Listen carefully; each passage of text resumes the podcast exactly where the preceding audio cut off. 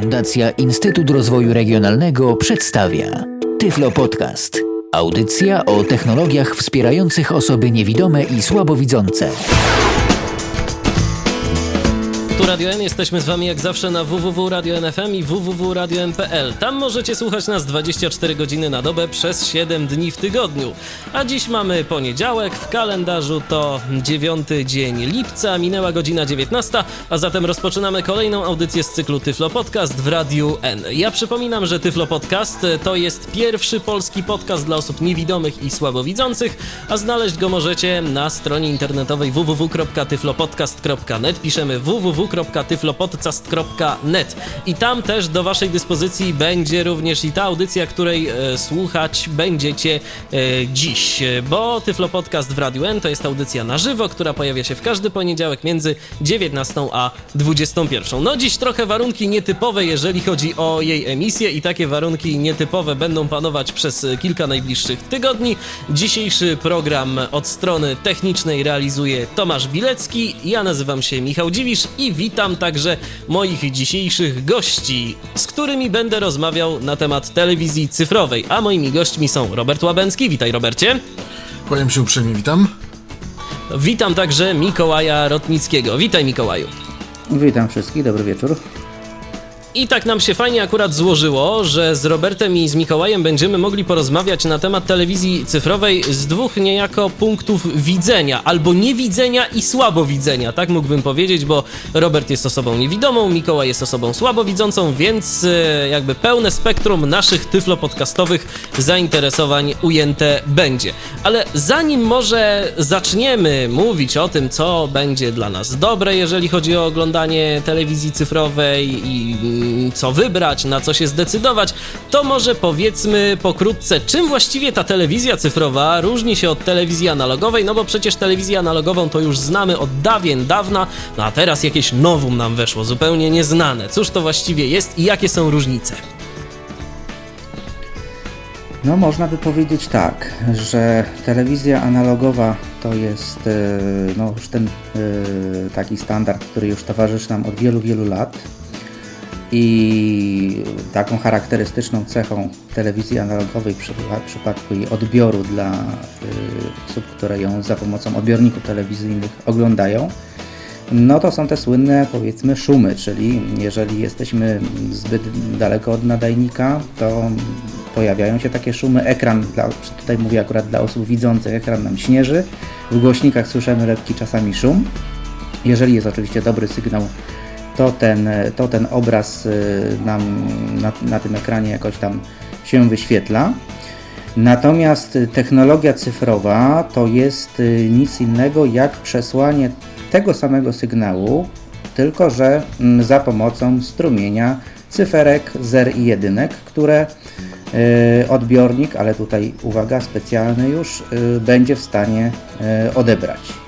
Różnica w odbiorze polega na tym, że mm, obraz mm, odbierany i dźwięk odbierany jest znacznie wyższej jakości i nie ma tak zwanych zakłóceń typu szumy, typu trzaski, tylko jeżeli mm, sygnału po prostu nie ma, no to również nie ma, nie ma y, obrazu na ekranie i nie ma dźwięku, czyli albo sygnał jest, albo go nie ma, jeżeli jest oczywiście gdzieś tam na granicy soboci. To tak ogólnie, jeżeli chodzi o odbiór. Natomiast telewizja cyfrowa, przez to, że przesyłane są y, do nas y, dane w postaci cyfr, zerek i jedynek, to y, mogą do nich być dołączane również informacje dodatkowe. E, ta, takimi na przykład informacjami są informacja o programie telewizyjnym, który możemy na odbiorniku wyświetlić, a także wszelkiego rodzaju innego y, rodzaju usługi takie audiowizualne, jak na przykład dodatkowe ścieżki dźwiękowe z różnymi innymi językami, czy na przykład y, napisy wyświetlane na ekranie. To tak pokrótce. No Ale to ja, no właśnie, to jeszcze Robert dodaj, bo ja, ja mam już pierwsze taką, pytanie. Taką, taką drobnostkę, e, że czasami jest tak, że e, w odbiorze cyfrowym mamy dźwięk, a obraz sobie biega. Czyli mamy coś takiego, że obraz jest, on się porusza, po czym stanie na chwilkę, po czym dostaje jakiegoś przyspieszenia takiego szybkiego, potem jest normalnie, potem znowu sto, stanie i czasami, no czas, to, to jest przy takim gorszym odbiorze y, też takie rzeczy się mogą zdarzać, ale to tylko takie, y, jeśli chodzi o telewizję cyfrową. Ale to ja właśnie a propos tego gorszego odbioru chciałbym zapytać, bo ty Mikołaju wspomniałeś, że jeżeli mamy problem z odbiorem, to sygnał jest albo go nie ma. Czyli czy wychodzi zatem na to, że jeżeli mamy gorsze warunki do odbioru telewizji cyfrowej, to jednak nasz odbiornik będzie sobie lepiej radził z sygnałem analogowym? E, to znaczy, chciałem powiedzieć tak, że to już takie są powiedzmy te, techniczne bardzo szczegół, szczegóły. Natomiast y, no wszystko zależy oczywiście od tych warunków. Natomiast y, jeżeli chodzi o powiedzmy nadawanie sygnału cyfrowego, przynajmniej tego tutaj w założeniu naziemnego, to od strony nadawcy jest po prostu potrzebna mniejsza po prostu moc nadajnika, żeby, żeby osiągnąć ten sam efekt, czyli żeby ten sam obraz przesłać za pomocą technologii cyfrowej potrzebna jest mniejsza moc i z tego też powodu z tego też powodu yy, no, są oczywiście korzyści takie no, stricte powiedzmy ekonomiczne, tak? Natomiast yy, tak jak powiedziałem wcześniej, yy, telewizja cyfrowa y, niesie, za, niesie za, za, sobą to, że jeżeli jesteśmy no, w, dobrym zasięgu tego, tego nadajnika, cały czas mówię tutaj akurat o telewizji cyfrowej naziemnej, no to nie ma większych problemów z odbiorem sygnału, chociaż tak jak Robert stwierdził, jeżeli gdzieś jesteśmy na pograniczu tego sygnału, no to w pierwszej kolejności tnie nam się obraz, a, yy, a jeżeli chodzi o, o dźwięk, to on gdzieś, gdzieś tam cały czas jest, ponieważ on wymaga nieco mniejszego, nieco mniejszego jakby no, strumienia czy prze, przepływu yy, informacji. Natomiast w przypadku telewizji analogowej, no jednak jesteśmy mimo wszystko skazani na tego swego rodzaju szumy, tak? Czyli, yy, czyli yy, śnieżenie ekranu. Śnieżenie i takie szumienie, odbicia, szumienie czasami są tak zwane odbicia, przebarwienia i ten obraz jest bardzo takiej kiepskiej, kiepskiej jakości. Burki jakieś takie się zdarzają. Dokładnie, dokładnie. Szumy i, i, podobne, i podobne rzeczy. Czasem no. też się może zdarzyć, że nam ten obraz będzie po prostu skakał, jeżeli program będzie złej jakości. Pamiętam to, bo no, kiedyś, kiedyś bawiłem się właśnie takimi starymi odbiornikami telewizji analogowej, jeszcze z ogromnymi kineskopami, no i ciekawe efekty czasem można było uzyskać, kiedy jakiś kanał był po prostu źle dostrojony. Natomiast ja chciałem powiedzieć jedną rzecz a propos y, tego Mikołaj powiedziałeś, że nadawca powiedział, że y, y, telewizja cyfrowa wymaga mniejszej mocy. Tak, to prawda, natomiast fakt faktem, jeśli chodzi o to, co u nas zrobiono z telewizją cyfrową, to trzeba powiedzieć, z tą naziemną, to niestety ktoś przesadził. Ktoś przesadził w drugą stronę, bo te moce według mnie są zbyt małe pomimo wszystko. Bo tak na przykład, ja tutaj y, mam rejon suwałki krzemianoucha załóżmy i tak na przykład moc takiej jedynki to jest y, 10 kW, y, gdzie, znaczy może inaczej, 1000 W, gdzie na przykład moc telewizji cyfrowej to jest 2 kW tylko E, i niestety nie jest to tak różowo, jakby się wydawało i często może być też tak, że nie znaczy to, że jeśli odbieramy dobrze telewizję analogową, ja myślałem, że tak jest, ale nie jest.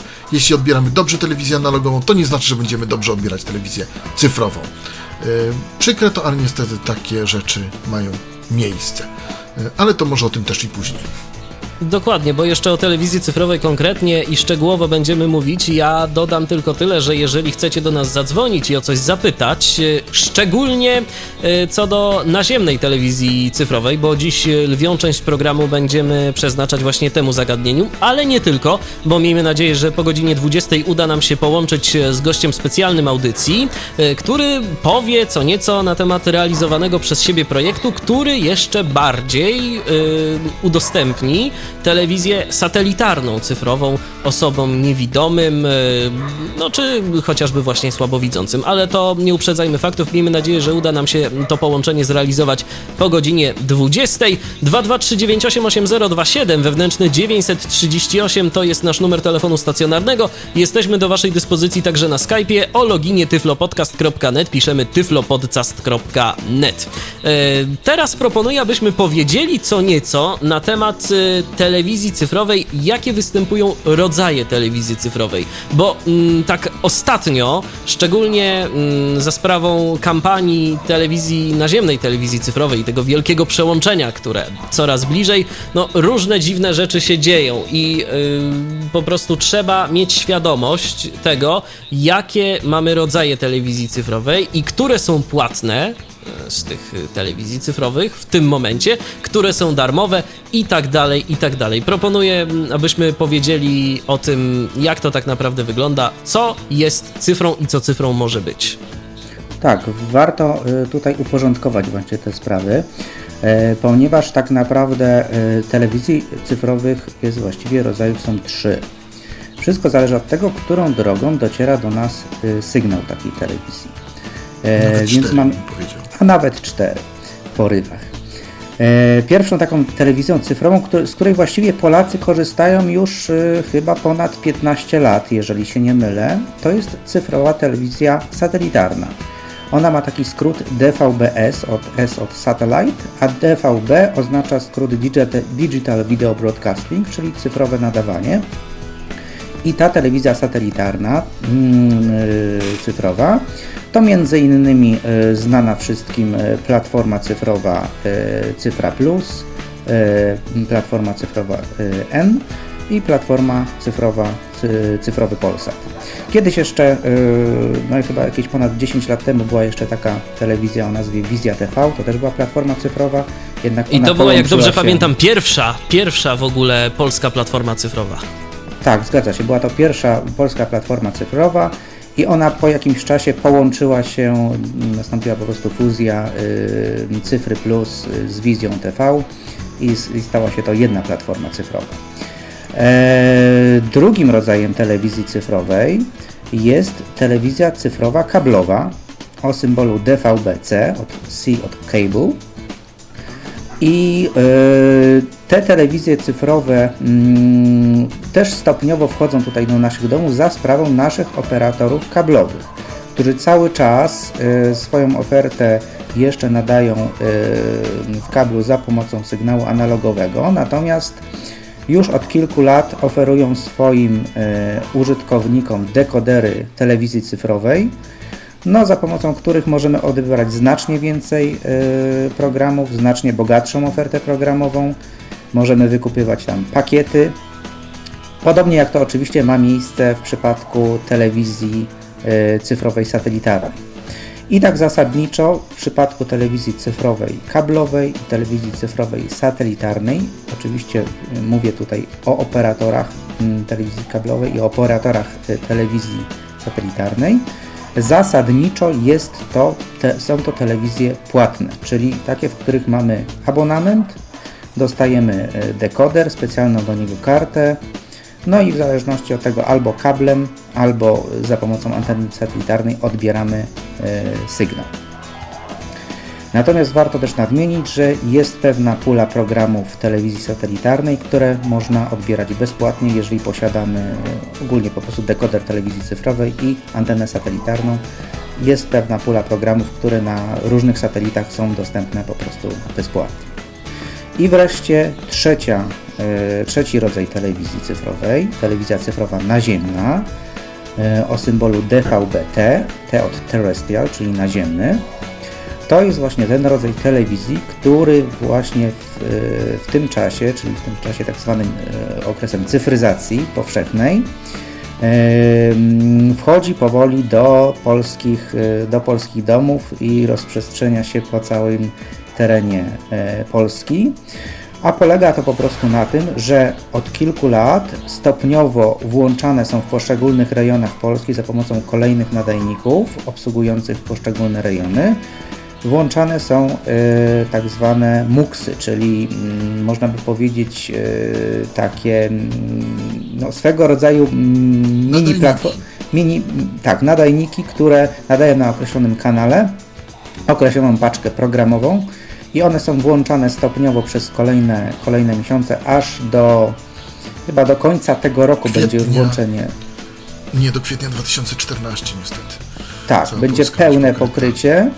Natomiast równolegle od bodajże e, chyba półtora roku, jeżeli się nie mylę, a może już dwóch lat, następuje stopniowe wyłączanie y, nadajników, które nadają sygnał analogowy.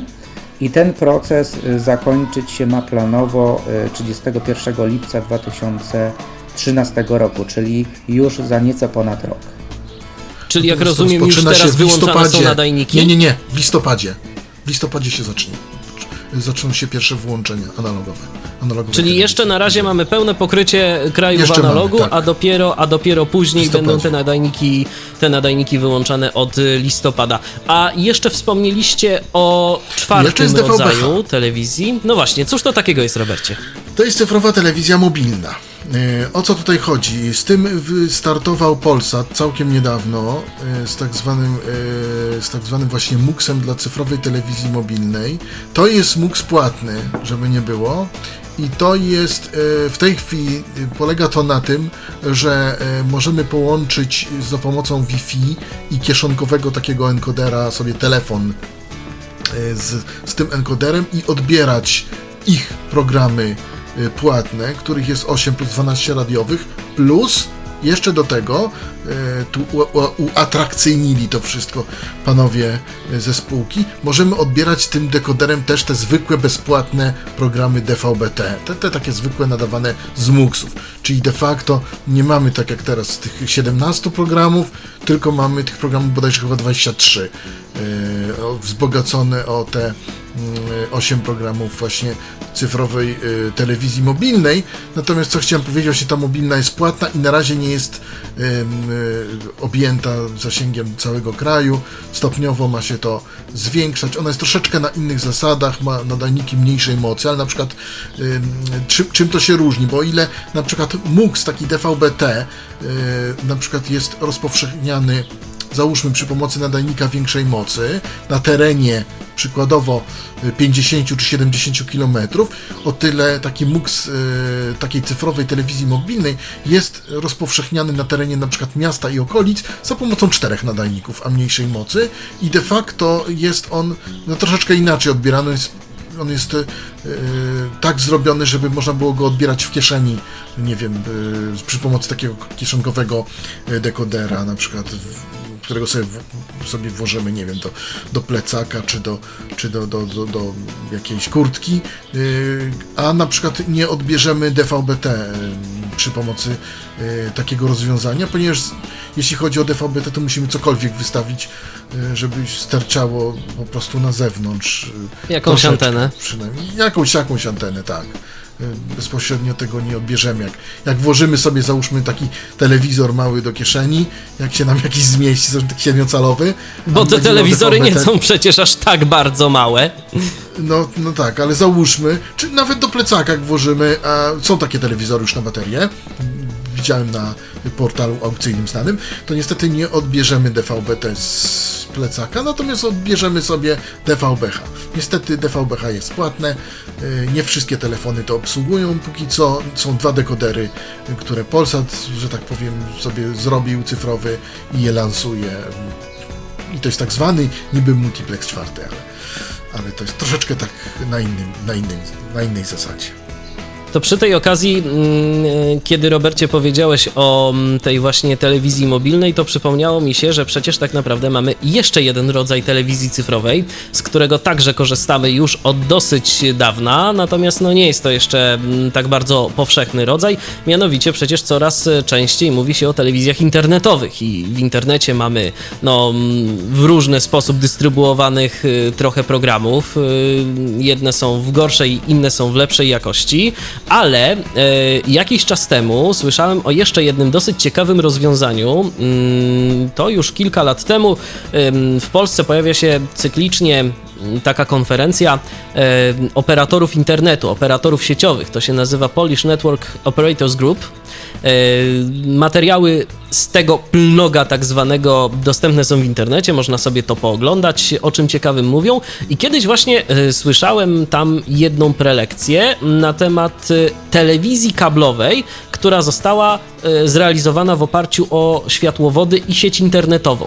Czyli po prostu tak jak zwykle jest tak robione, że to właśnie y, internet jest dodatkiem do telewizji kablowej, to tam właśnie wszystko oparte było na protokole TCP/IP i mm, każdy abonent dostawał taką przystawkę, tak zwanego set-top boxa, który podłączał sobie y, do internetu y, z jednej strony, z drugiej strony do swojego odbiornika telewizji cyfrowej, no bo tam przez, przez jakieś złącze HDMI to prawdopodobnie było realizowane, no i w ten sposób y, przeprowadzana była transmisja mm, Natomiast telewizji. Michale, no chciałem Ci powiedzieć jedną rzecz, że tak, taki, to jest tak zwana IPTV albo coś podobnego, natomiast to jest tak zwana DVB DVB-C, czyli mm, telewizja kablowa. Też kablowa. To, tak czy inaczej, tak, to jest do kablowych. Do, do kablowych się to zalicza, bo... To już tak, troszeczkę czy tak, po prostu no jest inna idzie. technologia.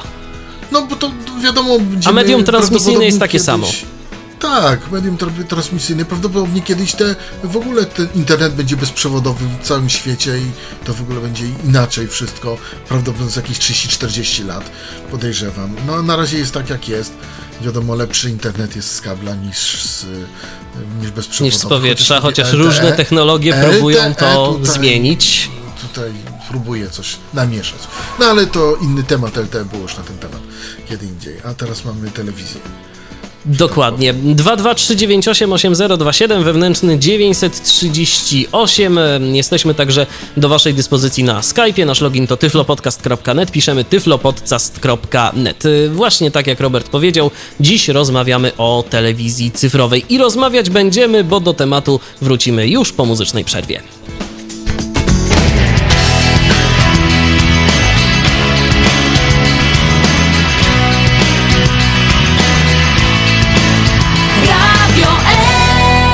Już y, jesteśmy na antenie. To jest cały czas Tyflo Podcast na antenie Radia N, a w dzisiejszym Tyflo Podcaście mm, wspólnie z Robertem Łabęckim i Mikołajem Rotnickim rozmawiamy na temat y, telewizji cyfrowej. Przypominam, że można do nas dzwonić 223988027 wewnętrzny 938.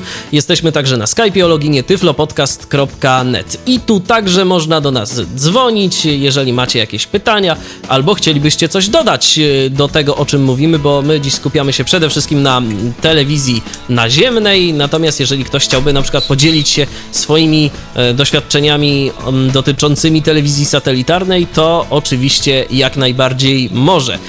A teraz, e, skoro już e, powiedzieliśmy, jakie mamy rodzaje telewizji cyfrowej, a to ja dodam, że nie powiedzieliśmy o tym e, bez kozery, bo niestety ostatnio mamy taką dosyć szeroko zakrojoną w mediach kampanię dotyczącą tego, że no, przełączajmy się na telewizję cyfrową i niestety różni nieuczciwi przedstawiciele handlowi platform cyfrowych e, namawiają szczególnie osoby starsze do tego, żeby podpisały umowę, bo tłumaczą w ten sposób, że kiedy mm, zostanie wyłączona telewizja analogowa, to nie będą mogli, nie będą mogły te osoby nawet odbierać programu pierwszego ani drugiego. No a wiadomo, że często osobom starszym przede wszystkim zależy na telewizji publicznej. To jest oczywiście nieprawda. Y, Telewizja cyfrowa za darmo będzie dostępna naziemnie, więc nie trzeba korzystać z usług operatorów telewizji satelitarnej. Trzeba będzie się oczywiście wyposażyć w odpowiedniej albo- telewizor, albo odpowiednią przystawkę do starszego telewizora. Ale o tym opowiemy sobie za momencik. Póki co, może powiedzmy, jak właściwie ta naziemna telewizja cyfrowa działa, bo tu mamy jakieś multiplexy, muksy, co to właściwie jest? Właściwie telewizja działa tak jak, tak jak każda telewizja cyfrowa. Ja już powiem o co chodzi, bo ponieważ na przykład tak, y, ta na przykład telewizja DVB-S, tele, tak zwana satelitarna telewizja cyfrowa. Załóżmy, i to mamy tak, na przykład y, y, mamy, załóżmy tą cyfrę, załóżmy cyfrę albo, albo cyfrowy Polsat, albo no, no załóżmy tą cyfrę, tak, żeby, żeby nie, no przykład. I teraz ta cyfra plus oferuje nam ileś tam programów. I tak naprawdę polega to na tym, że oni mają wykupione ileś miejsca na satelicie. I teraz ten jeden nadajnik tej cyfry to jest jeden multiplex i to jest taka jedna wielka big paczka. I teraz w zależności od tego, jaki y, wykupimy abonament, dostajemy możliwość odkodowania z tej paczki iluś programów. I teraz tak samo telewizja naziemna jest podzielona na MUX. Z tym, że o ile na satelicie można wykupić na przykład łącze takie, które ma załóżmy 1 gigabit przesyłu danych, o tyle mm, naziemnie da się na razie bez problemu przesłać do 32 megabajtów danych tylko.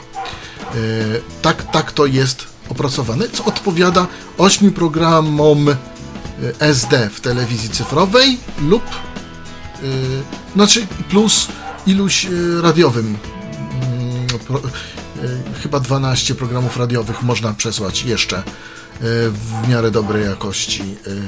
Natomiast z tym radiem jeszcze u nas w Polsce nie bardzo. Multiplex trzeci nadaje radio, póki co tylko cztery programy ogólnopolskie. Natomiast Multiplex pierwszy i drugi nie nadaje programów radiowych. Ale tak to wygląda, że po prostu na satelicie to jest jeden wielki MUX, to jest dana y, telewizja, załóżmy, czy to wizja, czy to cyfra, czy to, no załóżmy, cyfrowy Polsat, to jest jeden MUX, cyfr, tam y, N bodajże, to jest drugi MUX, taki wielki nadajnik. A w telewizji naziemnej jest to, są to te mniejsze nadajniczki, każdy nadajnik nadaje na jednym kanale, Czyli tam, gdzie mieliśmy na przykład program pierwszy nadaje jeden MUX, a na tym jednym MUXie on nadaje taką paczkę i z tej paczki dekoder nam y, może, że tak powiem, wyodrębnić 8 różnych programów. Do 8 programów y, SD w rozdzielczości SD lub mniejszą ilość w rozdzielczości HD High Definition. Może coś jeszcze Mikołaj uzupełnisz? No, chciałem jeszcze tylko powiedzieć to, to co mm, też Michał y, powiedział, że tutaj nie należy się obawiać, tak, że e, zostaniemy zupełnie odcięci, tak, czyli nie powinno się ulegać takim, takim tutaj namowom, takim, e, takiemu straszeniu, że to nagle będzie jakiś koniec świata. E, Na pewno e, spać spokojnie mogą osoby, które obecnie e, korzystają z telewizji cyfrowej, satelitarnej czy kablowej. Tak, tu się tutaj się nic nie stanie. Ona nie Tu się nic nie zmienia. Natomiast jeżeli mamy osoby, które nie korzystały e, ani z telewizji kablowej, ani z satelitarnej, korzystały tylko i wyłącznie z analogowej, e, takie osoby muszą albo, jeżeli nie chcą zmieniać sobie telewizora, muszą wyposażyć się w tak zwany dekoder telewizji naziemnej, tak zwany set-top box STB do odbioru telewizji naziemnej, albo jeżeli mm, decydują się na przykład na zmianę telewizora, to aby ten odbiornik telewizyjny był wyposażony w dekoder telewizji cyfrowej naziemnej. I teraz uwaga, ważna rzecz, żeby mógł dekodować sygnał w systemie MPEG-4. To jest bardzo ważna rzecz, ponieważ w Polsce telewizja cyfrowa naziemna y, jest kodowana w systemie MPEG-4, a nie tak jak y, pewna część odbiorników, chociaż ich na rynku jeszcze troszeczkę jest oferowany, ponieważ one ym, głównie przyszły z zachodu, a na przykład w Niemczech standardem jest MPEG-2. To jest starszy Nie tylko w Niemczech, w system Czechach też. na przykład. E, W każdym razie należy się, należy się upewnić, że nowo kupowany odbiornik telewizyjny posiada e, tuner telewizji cyfrowej DVB-T i potrafi e, dekodować nam sygnał w formacie MPEG-4. To jest bardzo ważna rzecz. Mało tego, z tego co wiem, to sprzedawcom nie można w tej chwili sprzedawać y, tak jawnie y, tunelów. Znaczy, O właśnie, witamy, witamy, bo na linii mamy słuchacza. To znaczy, no nie no, jesteśmy, jesteśmy już, y, jesteśmy na antenie, czy, czy nie? Bo o, no widać, że o, już, jest, o, już jesteśmy na antenie. Mateusz się do nas dodzwonił. Mieliśmy, mieliśmy małe zawirowanie, jeżeli chodzi o odsłuch, bo Mateusza słyszeliśmy, a chyba nasi słuchacze go po prostu nie słyszeli, ale już wszystko działa. Słuchamy cię, Mateuszu. Y, Tylko Może Mateuszu, gdybyś radio, mógł chłopie. radio wyłączyć. Właśnie, wyłącz radio. Słychać, Dobrze, już wyłączam radio. Już, już wyłączam radio. Tak trochę jak w radiu, co ma głośnik. Znaczy, nie ma głośnika. Tak często takie sytuacje się zdarzają. Słuchamy cię, Mateuszu. O, już wiem, wszystko dobrze jest. E, mam takie pytanie, bo e, nie wiem, czy Robert e, wspomniał na temat programu TV Speak, a chciałbym tutaj dodać troszeczkę swoje trzy grosze jakby, bo testowałem Jeszcze ten o tym program. programie nie wspominaliśmy, E, natomiast jeszcze mieliśmy będzie. zamiar wspominać, Jeszcze ale będzie. może coś, Mateuszu, no skoro już Właśnie. jesteś, to, to możesz coś opowiedzieć na ten temat. Właśnie. E, tak, tak, więc tak. E, no TV Speak jest produkowany przez firmę e, Code Factory. Natomiast to, co mnie w nim e, zaskoczyło, to znalazł pięknie 8 kanałów. Pięknie odczytywane napisy na kanale, jaki to program jest.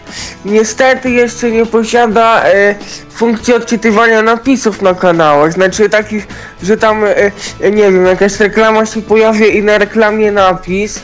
E, ale na przykład można nagrywać na tym, e, na tym programie różnego rodzaju e, kanały telewizyjne, tylko niestety wszystko trzeba e, ręcznie ustawić. Brakuje mi funkcji takiej jak w dekoderze u mnie w domu na satelicie, że najeżdżamy na tytuł, na program i możemy automatycznie od razu z danego tytułu nagrać, że nam nagra o danej porze, kiedy jest program.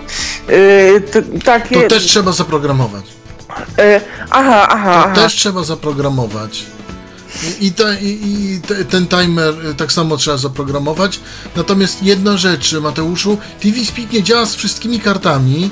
Ty chyba miałeś troszkę szczęścia, bo y, ja testowałem TV Speaka y, z, tutaj z kartą y, Not Only TV. Z moją to only, Not Only TV działał. No właśnie, u mnie to ma, że tak powiem, tak nie bardzo chce, nie bardzo się lubi. Raz zadziałał, raz nie i to tak. Poza tym, ja nie wiem gdzie ty mieszkasz, ale podejrzewam, że możesz odbierać więcej kanałów niż 8. Yy, tak mi się wydaje, więc chyba nie masz całkiem, yy, yy, że tak powiem, całego zasięgu. W- Mateuszu, a zapytam, e, jak wygląda e, sytuacja tego TV Speaka? Ta aplikacja to jest aplikacja darmowa, płatna, ona jest e, już E, zlokalizowana w niestety języku płatna, polskim, czy jeszcze powiem, nie? Powiem wam tak, niestety płatna. E, chciałem ją sobie zakupić, ale bo myślałem 200 zł kosztuje. Taka aplikacja, wiecie, no nie droga do, do telewizji, a że czyta dla niewidomych, a wiecie, e, a zaraz o to spytam. Już jest cena 200 zł, Czyta dla cena? niewidomych i tak Bo nie dalej. E, e, coś się stało, czy mogę mówić dalej? Nie, nie, nie, ju, yy, Mów, czy mów. 200 zł, bo, bo nie było ceny E, przedtem. Wiem, wiem, wiem. Już- No tak e, przykładowo podam, no 200 zł kosztuje i tak dalej. Dzwonię do e, e, Altixu, prawda? Powiedziałem, że chcę zakupić, no bo tam telewizję cyfrową i tak dalej. Dobrze, to my się dowiemy, dobrze, dowiedzieli się, bo najpierw ja pisałem do Niemiec, potem do Hiszpanii, bo myślałem, że tam taniej, bo to jest w ogóle program stworzony przez Hiszpański Związek Niewidomych we współpracy z Code Factory i niestety ten program kosztuje 770 zł. 770. Oj, oj. No trochę drogo, trochę drogo. Ja wiem, że Tyflo sprzęt i Tyflo oprogramowanie nie należy do tanich, ale no wydaje mi się, że taka aplikacja mogłaby kosztować zdecydowanie mniej. Tak, tak. No ale do tego już nas, do tego nas wszelkiego rodzaju Tyflo sprzedawcy przyzwyczaili po prostu, że y, za byle co Y, chcą tak, tak. wielkich pieniędzy. I z tego też ja wychodzę z założenia i mój tata. Mm, także e, tak. A jak w Hiszpanii chciałem kupić, to powiedzieli mi, że ja muszę należeć do mm, hiszpańskiego Związku Niewidomych. I Tak. wtedy miałbyś jakąś Żeby- zniżkę? Tak z ciekawości wtedy- zapytam. I, I wtedy, i wtedy mógłbym kupić. E, Do, nie, do Niemiec nie można, nie, mo, nie mogę. Nawet jak im powiedziałem, że będę w euro płacił, to też nie mogłem im, im jakby zapłacić, bo oni nie akceptują opłat e, od obcych klientów niż od Niemców. Znaczy od innych klientów niż od Niemców, e, niż od Niemców tylko. No tak, no to, to, To jest, jest- wszystko, to jest to jest polityka, polityka to jest po prostu polityka konkretnej, firm. tak, konkretnej firmy I z tym, i z tym bywa różnie, rzeczywiście, Y, tak, rzeczywiście tak, tak czasem jest. A Mateuszu, y, mógłbyś powiedzieć coś jeszcze a propos, coś jeszcze a propos w ogóle samej wygody korzystania y, z TV Speaka? Twoim zdaniem, no ten program może się przydać, ten program jest jakoś Może się przydać, może taki się wygodny w przydać, tylko natomiast mi brakuje, e, e, coś się stało czy nie, bo coś Tomek na linii. e, Nie, nie, nie, nie, nie, to, mów, mów. e, Tylko, e, tylko, no wiecie, no brakuje mi tego najeżdżania na tytuł. Znaczy, że chodzi o, że e, da się ręcznie zaprogramować, tak, że od której do której. E, no, a ty, e, Robercie, e, najeżdżałeś na tytuł, czy nie? Czy nie ma tam czegoś takiego, że najeżdżamy na tytuł? Już ci, już ci mówię o co chodzi. Y, Jeśli chodzi o najeżdżanie na tytuł. Znaczy tak, pierwsza rzecz, możesz spróbować, y, tam jest taki przycisk EPG, Electronic Program Guide. To jest tak zwany przewodnik. Możesz spróbować stamtąd zaprogramować y, przy pomocy menu kontekstowego, jak to wyjdzie. Bo nie wiem, czy akurat demo to wspiera y, TV Speaka, bo demo możemy sobie pobrać z Code Factory, ze strony Code Factory, powiem tak. Natomiast jest tak, że, mm, bo ty mówiłeś, że nie, nie czyta program jak jakaś reklama pójdzie, czy coś takiego. Y, Tego ci program czytać nie będzie i żaden program ci tego nie przeczyta, już ci mówię dlaczego. Ponieważ każdy z tych napisów, który jest wyświetlany w trakcie programu, może być wyświetlany bardzo różnie. On nie ma z czego odczytać, nie ma z czego odczytać kodu, co tam zostało napisane tak naprawdę. Bo, on, bo mu wystarczy, że zmieni się y, lekko jedna z literek, będzie miała inną wypukłość albo inne wybrzuszenie i wtedy maszyna zgłupieje i nie będzie wiedziała, co przeczytać. Dlatego ja tego bym się nie spodziewał. Natomiast skąd I tak, on bierze naprawdę, nazwę? On I tak naprawdę to jest, y, mm, to jest y, mm, chyba po prostu w ten sam sposób, y, co mm, mamy na przykład grafikę na tekst wyświetlany jako grafikę. Na przykład Dokładnie. teletekst, czy, czy jakieś tam informacje o, o nie, programach w teletekst- EPG. Nie, teletekst to udało jest- się, nie, teletekst No okej, właśnie, teletekst tak, ale to okej. jest po prostu jakiś taki strumień towarzyszący y, danemu programowi. To jest jakby odpowiednia Bo to warstwa jest tekst, tekstowa. teletekst to jest tekst. Dokładnie, dokładnie. To nie jest grafika, to a jest po tekst. prostu I to się a, da zrobić. Napis, A tu a, napis na przykład na reklamie, no to Na po prostu reklamie, jest to grafika. jest grafika. Zaprojektował sobie ktoś jakiś baner taki na przykład z jakimś tekstem i tam umieścił go po prostu w środku tego filmu reklamowego. Więc to po prostu, no tak niestety nie da się tego odczytać. Ale ja nie wiem dlaczego. Jeszcze będzie. powiem wam takie jedno pytanie. No aplikacja się oczywiście może przydać. Fajnie, fajnie nagrywa i nawet nagrałem e, reportaż cały e, z gali Superbohater z Teatru Narodowego i nagrywa to e, w AVI, czyli w, w, w tym, tak, nie, w, w MPG, tak, w MPG, MPG, i aha, fajnie to MPG. nagrywa, e, tylko tak, e, no niestety to, co mnie rozczarowało u polskiego dystrybutora, bo ja dzwoniłem do, do menedżera produktu od produktów Code Factory, no on powiedział, no słyszeć słyszałem, ale my nie będziemy nic z tym robić i tak dalej, no także nic No nie to nie będą... jest aplikacja spolszczona, od tego trzeba zacząć. Tak, Ona nie jest no to, spolszczona. Z tego no to czemu, no to czemu jej nie chcą spolszczyć? No to zacznijmy od tego, że, że, że Widocznie Mateuszu, Mateuszu, prawda stara jak świat. Jak nie wiadomo o co chodzi, to chodzi o pieniądze. Widocznie po prostu jest zbyt małe zainteresowanie osób niewidomych y, tego typu aplikacją, no bo wiadomo, bardziej mm, Code Factory jest znane z programu odczytu ekranu ni, niż z tego typu aplikacji, a mm, jeżeli chodzi o to, jak niewidomi podchodzą do telewizji, no to też wiadomo, że to, że to bywa różnie, y, a jeszcze trzeba by coś dodatkowo zapłacić za to, żeby móc oglądać telewizję, no to już może być problem. Bo Jeszcze wiele osób może 770 stwierdzić, zł, że- no no to właśnie, chyba kogoś, właśnie, że tak powiem. Y, Właśnie, ale bo jeżeli jest za- za dekoder 770 płacimy zł i to, 200 i, złotych. bo tam jest y, z VAT-em y, ten. No nieważne, tak, no, czy z ale VAT-em, to- czy bez to VAT-u. nieważne, no, ale to jest- to jest Dekoder drogo. też kosztuje z VAT-em 200 zł, Tak, ale tak, są i po tak. 90 zł dekodery.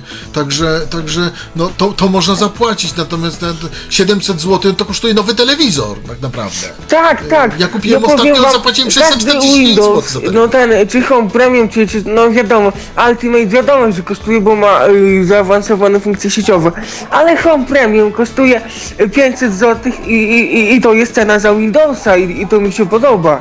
A, a nie, że program No cóż, kosztuje 770 mogłyby zł. być ale mogłyby być też troszeczkę jednak tańsze. Ale dobrze, bo już odchodzimy E, zupełnie od e, tematu. Mateuszu, tak, bardzo Ci e, serdecznie a dziękuję w takim razie bo- za telefon. Słucham? Dobrze, także do, także do usłyszenia. Trzymaj A, się, bo jeszcze pozdrawiamy. chciałbym e, się zapytać O. o. jedną taką kwestię, bo jeszcze się No nie to zapytałem. okej, okej, czy są jeszcze jakieś inne programy do obsługi niewidomych w te telewizji? Robercie, testowałeś jest- coś? Jest jeszcze jakiś jeden, to jest do, nie, to jest do obsługi widzących, tylko że on jest jakiś tam w miarę dostępny, ale już nie pomnę jego nazwy, coś DVB-T, coś, y, Adam Ostrowski o nim pisał kiedyś, y, DVB-T, jak- jakoś coś, ale nie, jestem w stanie to, tego y, spamiętać, ale on jest tylko dostępny, natomiast on ma dużo, mnóstwo różnych konfiguracji, jest dość skomplikowany i też jest płatny, natomiast na pewno jest y, tańszy niż y, TV Speak, natomiast nie jest tak prosty, nie jest tak intuicyjny, bo No i też jest może pro- wszystkiego nie dla widzących. To Mhm. jest oprogramowanie dla widzących, tylko dostępne dla screenreadera. Dobrze, to ja już DVB-T, wam nie przeszkadzam i dziękuję za głos w dyskusji, bo macie kolejne telefony na pewno, także nie przeszkadzam wam. Dziękujemy się. Ci Mateuszu również za telefon, do usłyszenia. Ja przypominam, że można do nas dzwonić oczywiście, tak jak uczynił to właśnie przed momentem Mateusz. 223988027, wewnętrzny 938. Jesteśmy także do Waszej dyspozycji na Skype o loginie tyflopodcast.net. No to może co nieco na temat y, tego, czym odbierać właściwie tę telewizję cyfrową, naziemną, bo to też nie jest takie proste. Wspomniał Mikołaj, że potrzebny jest telewizor obsługujący MPG-4 albo odpowiednia przystawka. No i teraz podejrzewam, że zaczynają się schody, bo co wybrać, co będzie dostępne, co będzie proste w obsłudze, ale jeszcze kwestia anten, bo to także nie oznacza przecież, że nasza stara siatkowa antena będzie prawidłowo działać, prawda? Z cyfrową Oj, telewizją niestety naziemną. nie. Się na tym przejechałem, ja mogę powiedzieć tutaj troszeczkę, bo zgryzłem na tym e, dość dużo czasu, bo mm, słuchajcie, jest generalnie tak, że no, przyjęło się niby mm, kiedyś tam, że y, telewizja nadaje od kanału 21 do 60 w paśmie tam VHF, w tym y, co ma być nadawana telewizja cyfrowa. No i teraz gro producentów zrobiło tak anteny, że no, że odbiera nam, anteny odbierają pasmo od kanału 21 do 60. A tymczasem, co jak co, ale stało się tak, że y, panowie to z Krajowej Rady, z Ministerstwa Łączności zadecydowali, a niestety nie, bo trzeba mieć antenę, która odbiera pasmo od kanału 6 do 69. Co to jest kanał? To, y, kanał to jest oczywiście y, odpowiednia częstotliwość. Dlaczego to się mówi y, na to kanał? Dlatego, że to jest i fonia, i wizja. W przypadku y, multiplexu, no to wiadomo, żeby to się wszystko pomieściło, no to to jest zajęty odpowiedni kanał. Ale o czym mówię? Możecie mieć taką sytuację, że odbieracie na przykład multiplex z, kanału 28 na swojej ulubionej antenie, a nie odbierzecie kana- multiplexu z kanału 64. I tak na przykład, jeżeli jest na przykład y, na multiplex drugi, multiplex drugi to są te telewizje komercyjne generalnie, a multiplex pierwszy to jest y, już telewizja publiczna. Tak samo jak multiplex trzeci. Ale multiplex pierwszy jest w tej chwili już prawie w 99% y, w Polsce jest pokryty. I teraz wyobraźcie sobie taką sytuację.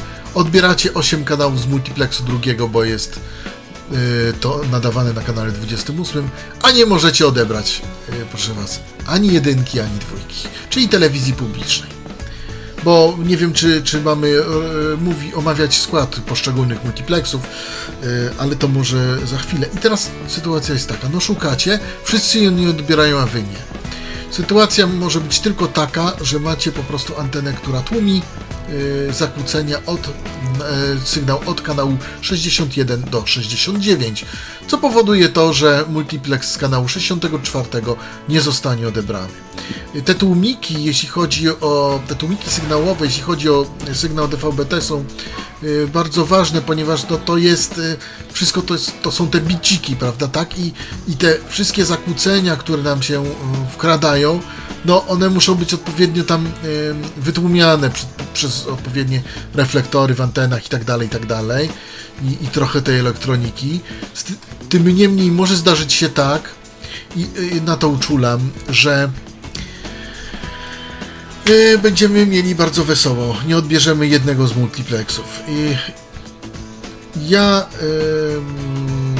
teraz chciałem powiedzieć tylko tyle, zanim przejdziemy do następnego telefonu.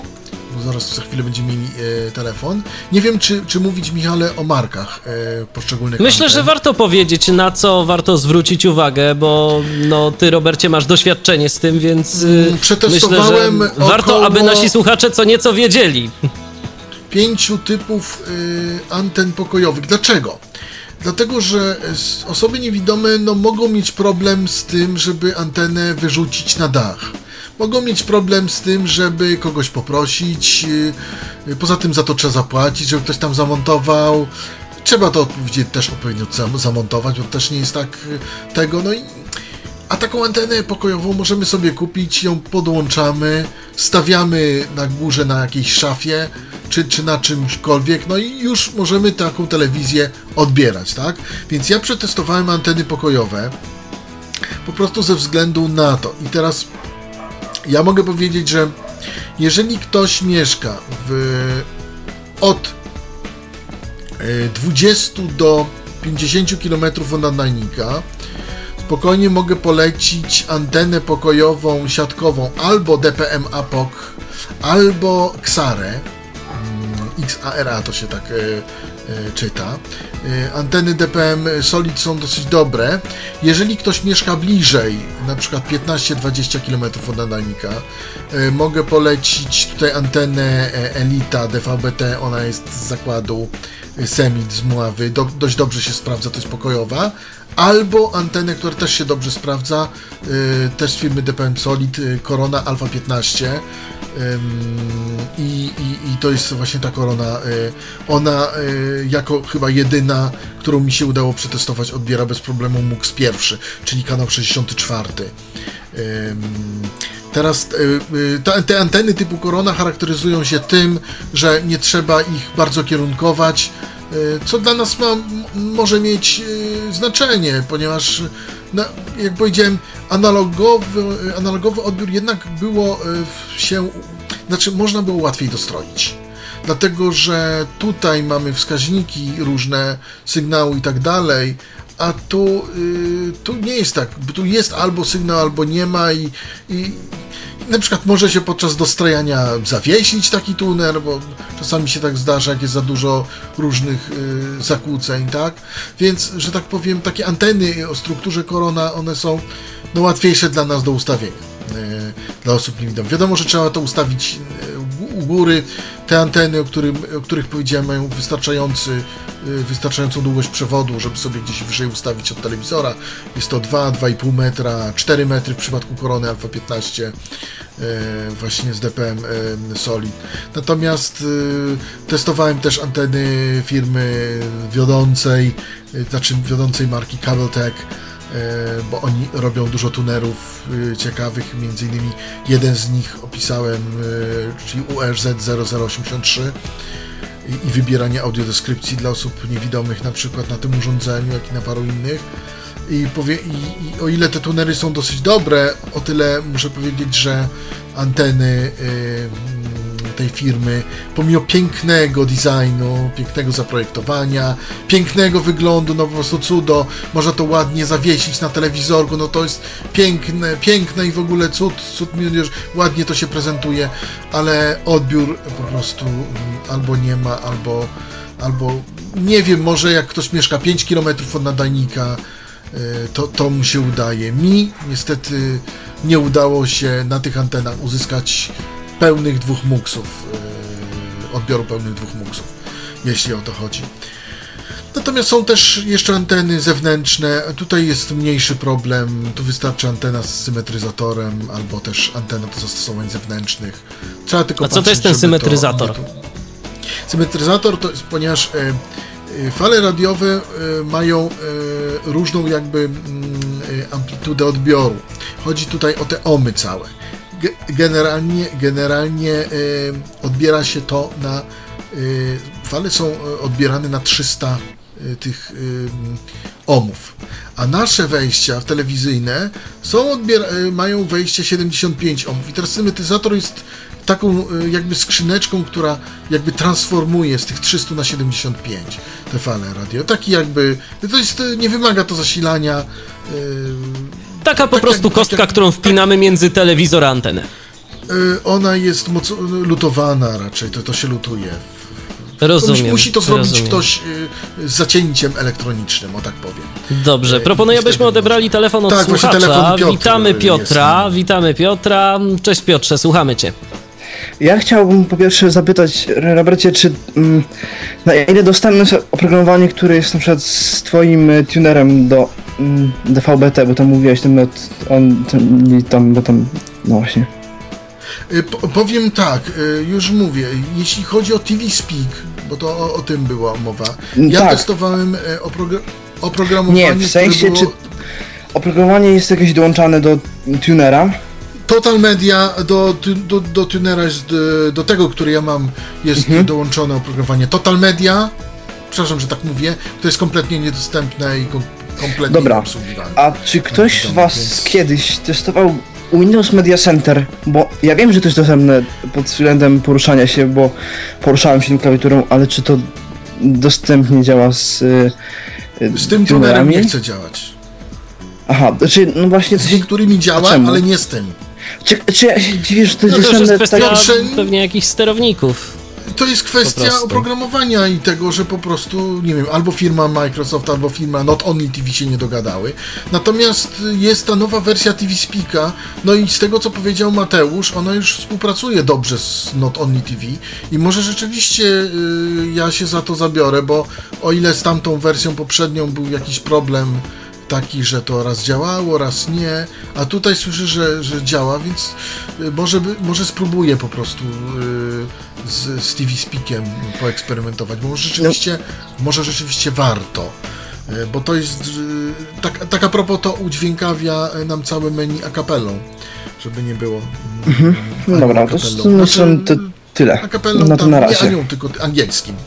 Dobrze, dziękujemy Ci bardzo Piotrze za telefon. Przypominam 223988027 wewnętrzny 938 oraz Skype o loginie tyflopodcast.net. Piszemy tyflopodcast.net. Mikołaju, teraz takie pytanie do Ciebie, bo już powiedzieliśmy co nieco na temat y, aplikacji dostępnych y, dla osób y, niewidomych, no i że nie jest z tym zbyt różowo do odbioru telewizji cyfrowej, naziemnej, bo mm, powiedzmy jeszcze tak, można odbierać za pomocą telewizora, ale można odbierać także za pomocą właśnie takich tunerów y, specjalnych, które przyłączamy do komputera, tak? Tak. Jest to też możliwe. I co byś powiedział, jeżeli chodzi o odbiór tą właśnie metodą dla osób słabowidzących? Testowałeś może coś z tych rozwiązań? Tak, ja posiadam taki tuner y, na USB też właśnie tej firmy Not Only TV Em, i to jest taki, podobne jest to do pendrive'a, może takiego nieco przerośniętego pendrive'a, ponieważ ym, wtyka się do, do, do, komputera za pomocą portu USB. Natomiast z drugiej strony um, tego, tego nazwijmy patyczka jest gniazdo antenowe, do którego podłącza się już kabel anteny. I teraz tak, y, Robert y, wspomniał tutaj y, o tym oprogramowaniu Total Media, które jest w standardzie dołączane do akurat Not produktów Not, Not Only TV. I jakkolwiek ono jest niedostępne dla screen readerów, y, o tyle dla osób słabowidzących ja znalazłem je bardzo, bardzo przyjazne ponieważ y, wszelkiego rodzaju elementy na ekranie, teksty, menu, y, podświetlenie opcji są y, naprawdę duże, po prostu są duże. I bez jakiegoś większego problemu, bez udziału programu powiększającego, ja z moją wadą wzroku jestem w stanie to, to obsłużyć, poruszać się po opcjach, zmieniać programy, y, czy na przykład wywoływać menu y, z y, tak zwanym tym EPG, czyli y, z programem w formie elektronicznej, przewodnikiem po programach. Z przewodnikiem po programach. i bez problemu jestem w stanie za pomocą tej aplikacji Total Media to, to obsłużyć. Także ze, z poziomu, czy z perspektywy, y, z poziomu widzenia osoby słabowidzącej, y, tutaj akurat nie jest, nie jest najgorzej, przynajmniej jeżeli mogę powiedzieć w przypadku aplikacji tej Total Media. Jest to zupełnie, zupełnie dostępne dla osób słabowidzących. A ty używasz komputerów firmy Apple i teraz mówimy o aplikacji właśnie na OS Xa, czy to jest aplikacja dla systemu Windows?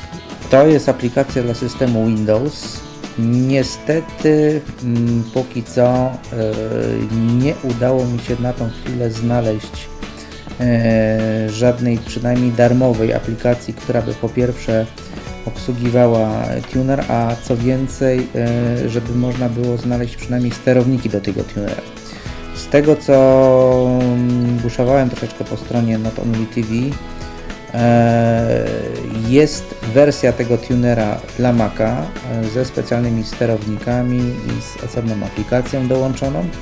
No ale niestety to jest już osobny wydatek, ponieważ jak e, miałem okazję kontaktować się z producentem, twierdził, że chip na tym, na tym urządzeniu i zastosowane to wewnętrzne oprogramowanie, ten firmware niestety, przynajmniej w tej, której ja, ja posiadam, tak, tej wersji Not TV dla Windowsa, nie jest, e, nie będzie to obsługiwane przez komputery Mac, także nie ma tutaj niestety tej przenośności między systemami. Ja póki co korzystam z tego mm, w taki sposób, no po prostu odpalam sobie na, na Macu maszynę wirtualną i w niej Windowsa i, i z tego poziomu e, mogę korzystać z telewizji cyfrowej naziemnej na komputerze. A tak z ciekawości, bo mm, korzystając y, z telewizji naziemnej, właśnie przy użyciu komputera, używasz na przykład jeszcze jakoś programu powiększającego do powiększania tego obrazu, czy na przykład to y, w tym momencie nie jest y, to dla ciebie aż tak ważne i telewizję najzwyczajniej w świecie oglądasz bez jakiegokolwiek powiększenia, jako osoba słabowidząca? W moim przypadku jest tak, że mm, wystarcza mi po prostu duży ekran, ponieważ komputer ma 27-calowy ekran, więc to jest, yy, to jest dla mnie zupełnie wystarczające i przypuszczam, że dla sporej yy, grupy osób słabowidzących również.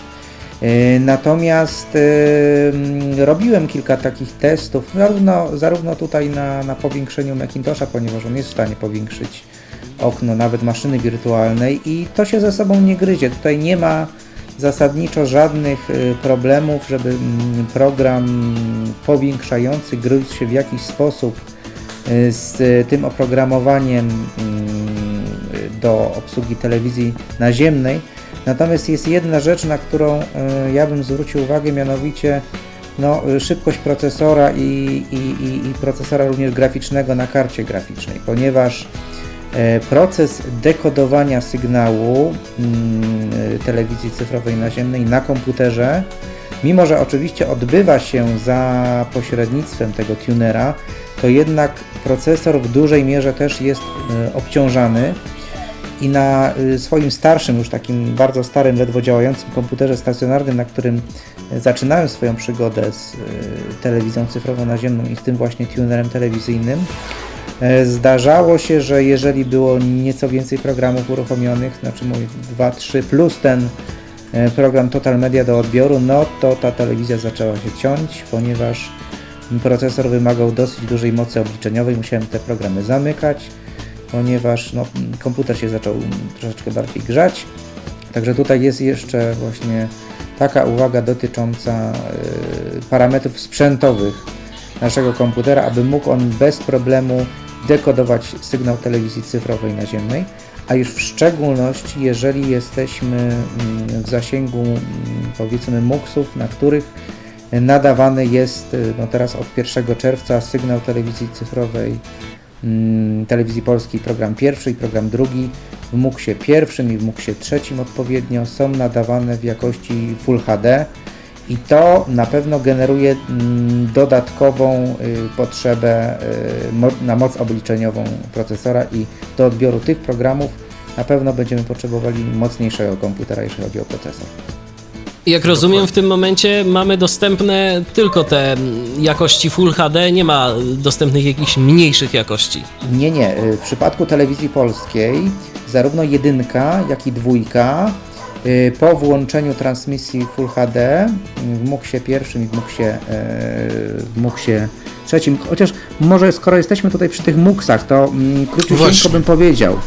Y, Co, MUX pierwszy, MUX pierwszy zawiera taką paczkę. Po pierwsze program TVP1 HD i Dokładnie. program TVP2 z- w standardzie zwykłym, czyli SD SD, tak.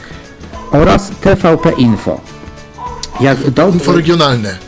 Regionalne, regionalne, Regionalne, czyli tak, ten tak. program trzeci regionalny, tak? To są tele, programy telewizji polskiej, a oprócz nich y, dostępne y, są również programy, mm, już tutaj sobie sprawdzam, ATM Rozrywka SKT TV, SKTV SKTV, Polo TV. i e, Kino i, Polska. e, Nie, nie, nie, nie, to nie na tym, Nie, nie. to jest na DVBH. E, Tak, tak. ATM Rozrywka TV, e, Polo TTV TV, chyba. SKTV TT i TTV, tak. i TTV. TTV, tak, Więc to jest programów. MUX, tak, to jest MUX Pierwszy. pierwszy, tak? I trzeba tutaj właśnie zauważyć, że jedynka jest w MUXie jedynka jest y, w MUXie mm, pierwszym jako HD, a dwójka jest jako SD. Natomiast teraz jeżeli chodzi o MUX y, drugi, czyli drugi multiplex y, cyfrowy, to mamy y, zestaw programów tych nazwijmy to mm, komercyjnych, czyli Polsat, Polsat, Polsat Sport News, News. e, TVN, TVN, TVN7, TVN7, TV4, y, TV6, TV Puls i TV i TV Puls Puls 2 2, który będzie od Który- 19 lipca już nadawał. Od 19 lipca. Czy ma nadawać? I 12 wreszcie przejść możemy do MUX-u trzeciego, czyli Trzeciego. trzeciego multiplexu, w którym mamy tak, TVP1 w, w standardzie SD, czyli zwykły, TVP2 HD, TVP Info. Tutaj ym, na przykład ja się mogę wypowiedzieć na temat Poznania. W Poznaniu w Wielkopolsce akurat obydwa TVP Info są nadawane. Jeden jest poznański, a drugi nie wiedzieć czemu wrocławski. Chociaż przez pewien czas był również szczeciński nadawany zamiast tego wrocławskiego. E, no, ale Takim po główny prostu jest, wyszło. ale główny jest tutaj poznański. E, I oprócz tego mamy TVP Polonia, TVP Kultura i TVP Historia. Tak się to kształtuje. I chciałbym jeszcze zaznaczyć taką rzecz, ponieważ y, Robert, ym, wspominałeś o tym, że no, y, poszczególne muksy nadawane są na różnych kanałach, ale należy zwrócić uwagę, że na różnych kanałach w różnych rejonach, tak? To znaczy nie Tak, jest dokładnie. to tak, że, że na kanale 28 muks pierwszy jest nadawany y, w całym kraju. To jest tylko Nie, nie, nie, nie, specyfika nie. danego regionu, danego nadajnika. Tak, dokładnie. Dokładnie. Więc ym, takim punktem wyjścia zawsze jest y, to określenie, gdzie mieszkamy, w jakim województwie, w jakim regionie, przy niedaleko jakiego bliskiego miasta. I tutaj za pomocą internetu, no, stron, stron poświęconych telewizji cyfrowej, należy sobie znaleźć najbliższy nadajnik, tak? Akurat tutaj w Wielkopolsce, w Poznaniu jest taki mm, nadajnik miejscowości Śrem pod Poznaniem, y, gdzie jest y, większość tych, tych muksów tutaj zainstalowana i wszystkie akurat przy, w Poznaniu trzy muksy tutaj y, pracują. Oczywiście pracują z różną mocą, ale na trzech, jak to się mówi, różnych kanałach. Na każdym, na, na jednym kanale jest jeden, jest jeden muks. Także to jest taki punkt wyjścia, żeby sobie po prostu znaleźć najbliższy nadajnik naziemnej telewizji cyfrowej. Natomiast Ja przypominam, że rzecz. słuchacie cały czas Tyflo Podcastu w Radio N 223988027 e, wewnętrzny 938 oraz Skype tyflopodcast.net. Tu można do nas dzwonić. Robercie, słucham, bo mm, Jeszcze, jeszcze chciałem jedną dodać? um, y, y, tego uściślić y, i chciałem powiedzieć, że w tej chwili MUX trzeci jest, y, mm, że tak powiem, praktycznie y, no, MUX, MUX trzeci jest tylko w największych miastach Polski, y, jest w bardzo niewielu miejscach, a generalnie pokrycie na terenie całego kraju ma MUX pierwszy i MUX drugi na obecną chwilę to żeby nie było to tak, bo, bo może ktoś się na przykład zdziwić, że no u mnie odbiera MUX pierwszy i MUX drugi, czy odbiera tam jedynka, dwójka, to, to, to, to, to, to, to, to, no ale nie odbiera TVP Historia, TVP Kultura i, i TVP Polonia na przykład. No to Będzie działać nie pewnie za jakiś się, czas Będzie prostu. działać, ale dopiero za jakiś czas. Jeszcze nawet A nie teraz w takim razie- MUX-u trzeciego. To teraz w takim razie proponuję, byśmy znowu zrobili sobie odrobinę muzycznego wytchnienia i wracamy do Was już za chwilę.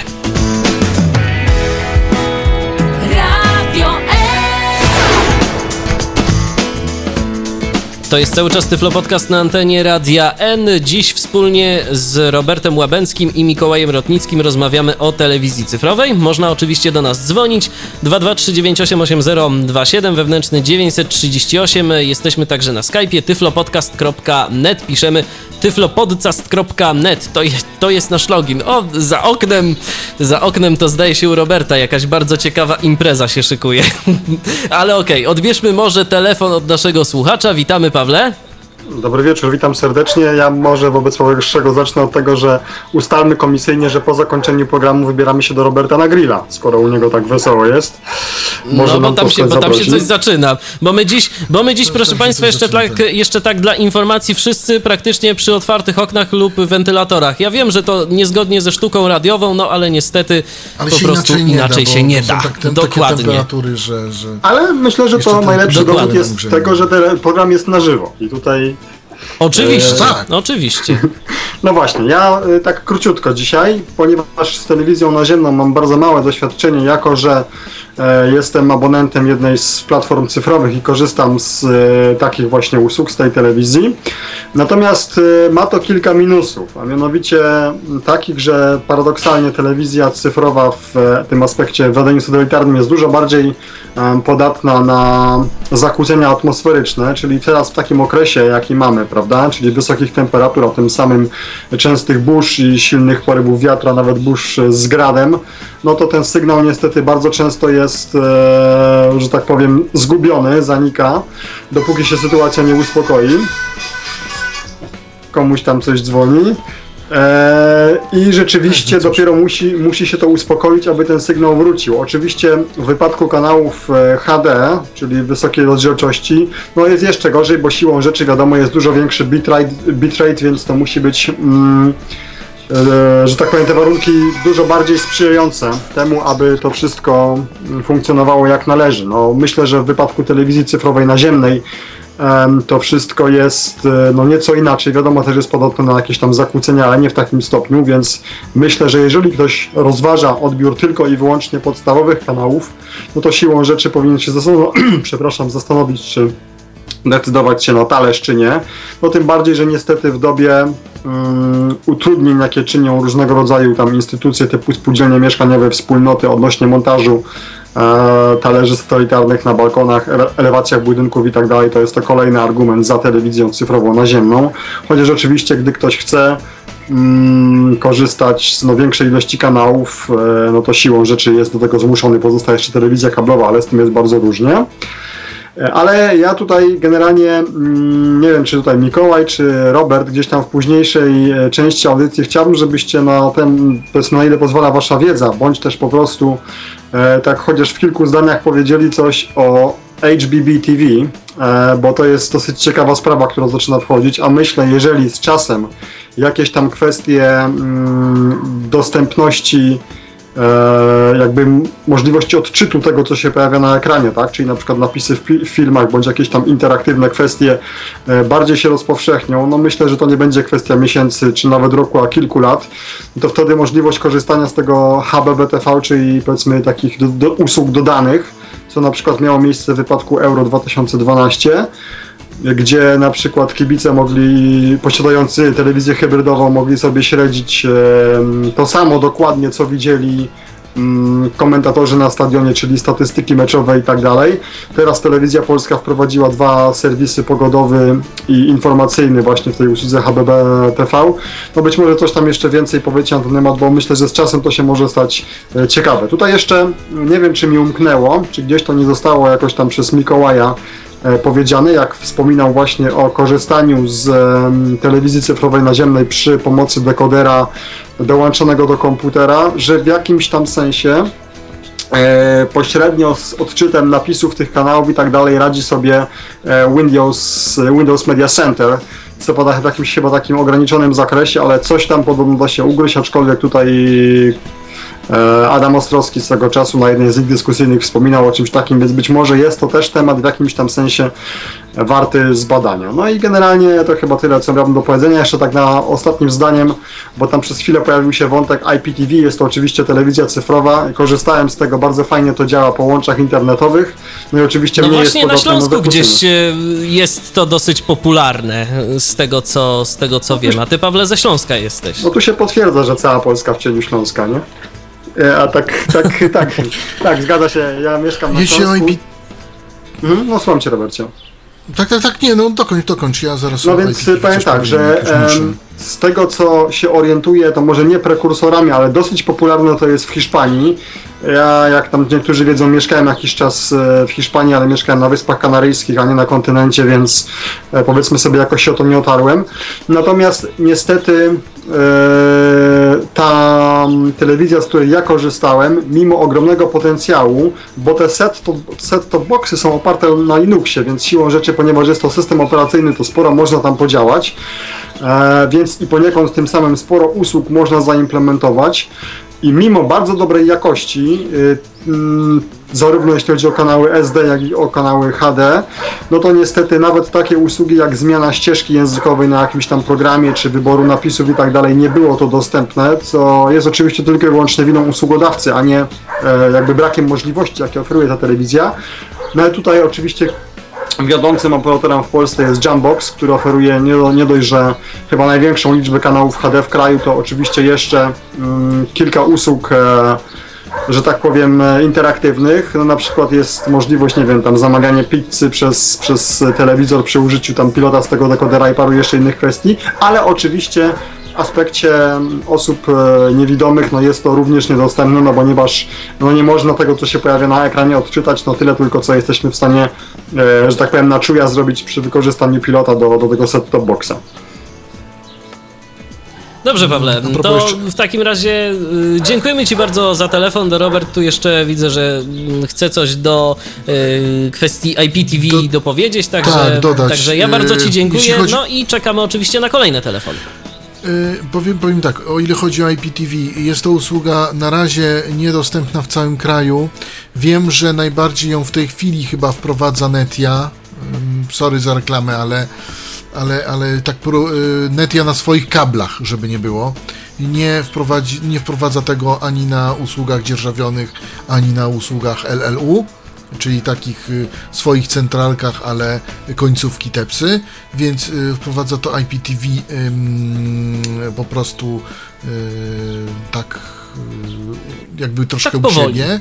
Jeżeli, jeżeli chodzi o Jamboxa, rzeczywiście jest to dostępne w niektórych sieciach kablowych. Powiem tak, mało tego, jest to nawet dostępne w, tutaj w tej sieci tutaj tej y, miejskiej, znaczy miejskiej, no prywatnej, radiowej, suwalskiej. Jak to działa, nie wiem. Y, nie jestem w stanie powiedzieć. Może to działa dobrze, może źle. To jest raz. Y, odnośnie HBB TV. Dlaczego nie wspomniałem o, HBB, TV, czyli hybrydowej telewizji, mm, telewizji, tych usługach dodanych?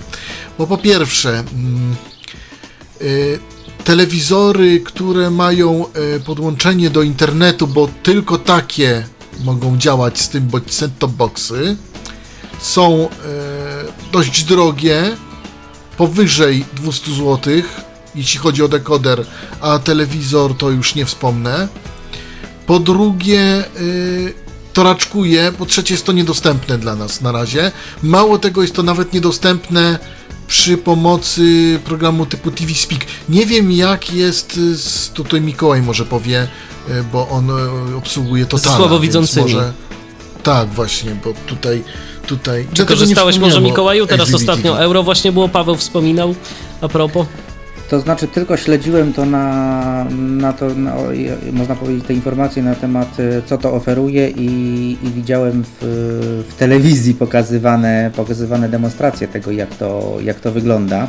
Natomiast no, nie posiadam niestety ani telewizora, ani, e, ani set-top boxa, który by potrafił, e, który miał w ogóle połączenie do internetu, bo to, bo to, jest, bo to jest jednak tutaj potrzebne. Nie, myślałem, że po prostu Total Media, że to na komputerze i Nie, niestety nie. Tutaj y, Total Aha, Media niestety nie w ogóle da. tego nie, w ogóle tej funkcji nie wspiera na tą, na tą chwilę, także, także Aha. tutaj właściwie to odpada, y, chyba, że jakieś może nowsze wersje, ale ja y, z tego co pamiętam mam najnowszą wersję Total Media i z tego, i z tego co, co się orientowałem w ogóle funkcja HBBTV nie jest, y, nie jest w ogóle dos, dostępna.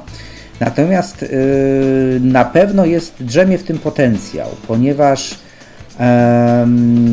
czytałem również takie informacje gdzieś tam z Wysp Brytyjskich, czy ze Stanów Zjednoczonych, czy nawet z Australii, dotyczące no, stricte rzecz biorąc osób niewidomych i postrzega się w tej technologii jako takie, takie źródło mm, powiedzmy dodatkowy ten kanał informacyjny, którym możemy przesyłać na przykład ścieżki audiodeskrypcji w sytuacji, kiedy na przykład przez y, DVB te na przykład z jakiegoś powodu nie mogły być transmitowane, y, dodatkowe informacje też tekstowe o, o programie.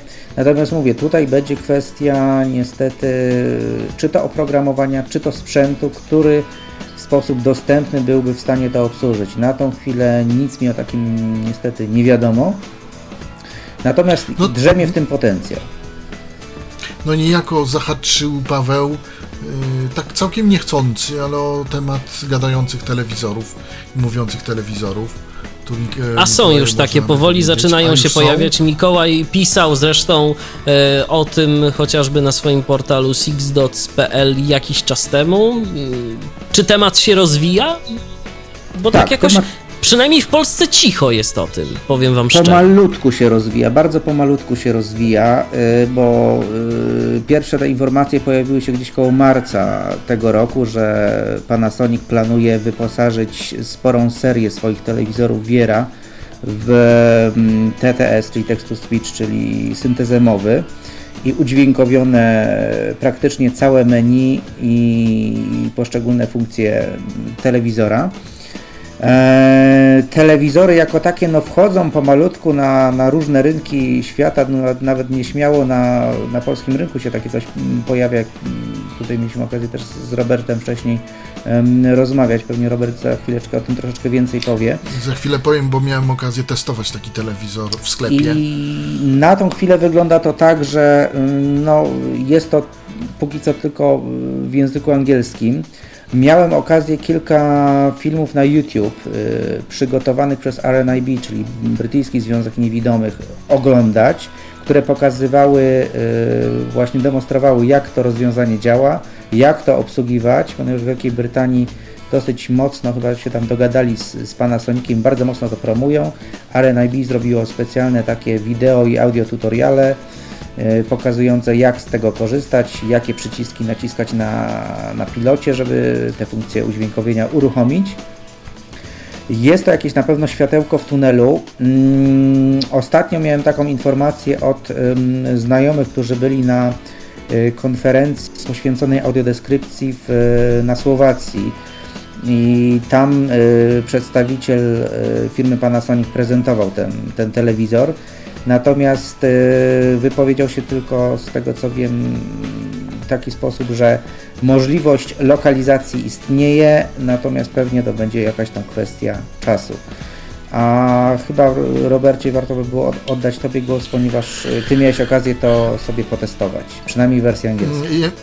Ja, miałem okazję sobie to potestować troszkę w wersji angielskiej, a powiem jak to wygląda. W ogóle jakie telewizory mają em, takie em, interfejsy. I Już mówię, są to telewizory z serii Viera. Uwaga, z literką B na końcu. Tych telewizorów jest 30 modeli. Ja nie pamiętam w tej chwili, ale zasada jest taka, że to jest e, literka B jak Barbara na końcu modelu. Na końcu nazwy I modelu. musi być po prostu ta litera B i tylko i wyłącznie te mają system TTS. system tak zwany e, voice guidance, czyli właśnie ten TTS, text to speech. E, Jest to vocalizer. Ja bym to tak powiedział, bo to jest taka no, Agata. Natomiast jak to działa w praktyce i o co tu w ogóle chodzi? Bo y, ja rozmawiałem z przedstawicielami Panasonica swego czasu, y, którzy powiedzieli, że no już mają wprowadzać, już tłumaczenia są na ukończeniu. Coś im nie wyszło i tłumaczenia nie zostały wprowadzone. Może tak, mm, żeby uporządkować. Te telewizory z serii telewizorów mówiących, y, mówiących mają, mają ekran oprzyko- oprzekątnych od 32 do 66 cali. No to tam jest 30 modeli bardzo różne. Jedne mają nagrywanie przez USB, drugie mają nagrywanie na twardym dysku. Oczywiście telewizory mają już podłączenia do internetu przez Wi-Fi, więc to podejrzewam, że z HBBTV nie byłoby większych problemów, jakby to e, wszystko zagrało, ale już mówię o co, bo mi się udało jeden taki telewizor serii Viera e, z literką B przetestować e, w jednym ze sklepów mm, właśnie i czym jest problem? W momencie włączenia telewizora, jeśli y, pokazuje się coś takiego jak kraj, y, czyli country i y, region, no wiadomo, Europa, Azja i tak dalej, tutaj, czy Japan, to zasada regionu polega na tym, że mamy odpowiednio porobione kanały na odpowiednich częstotliwościach.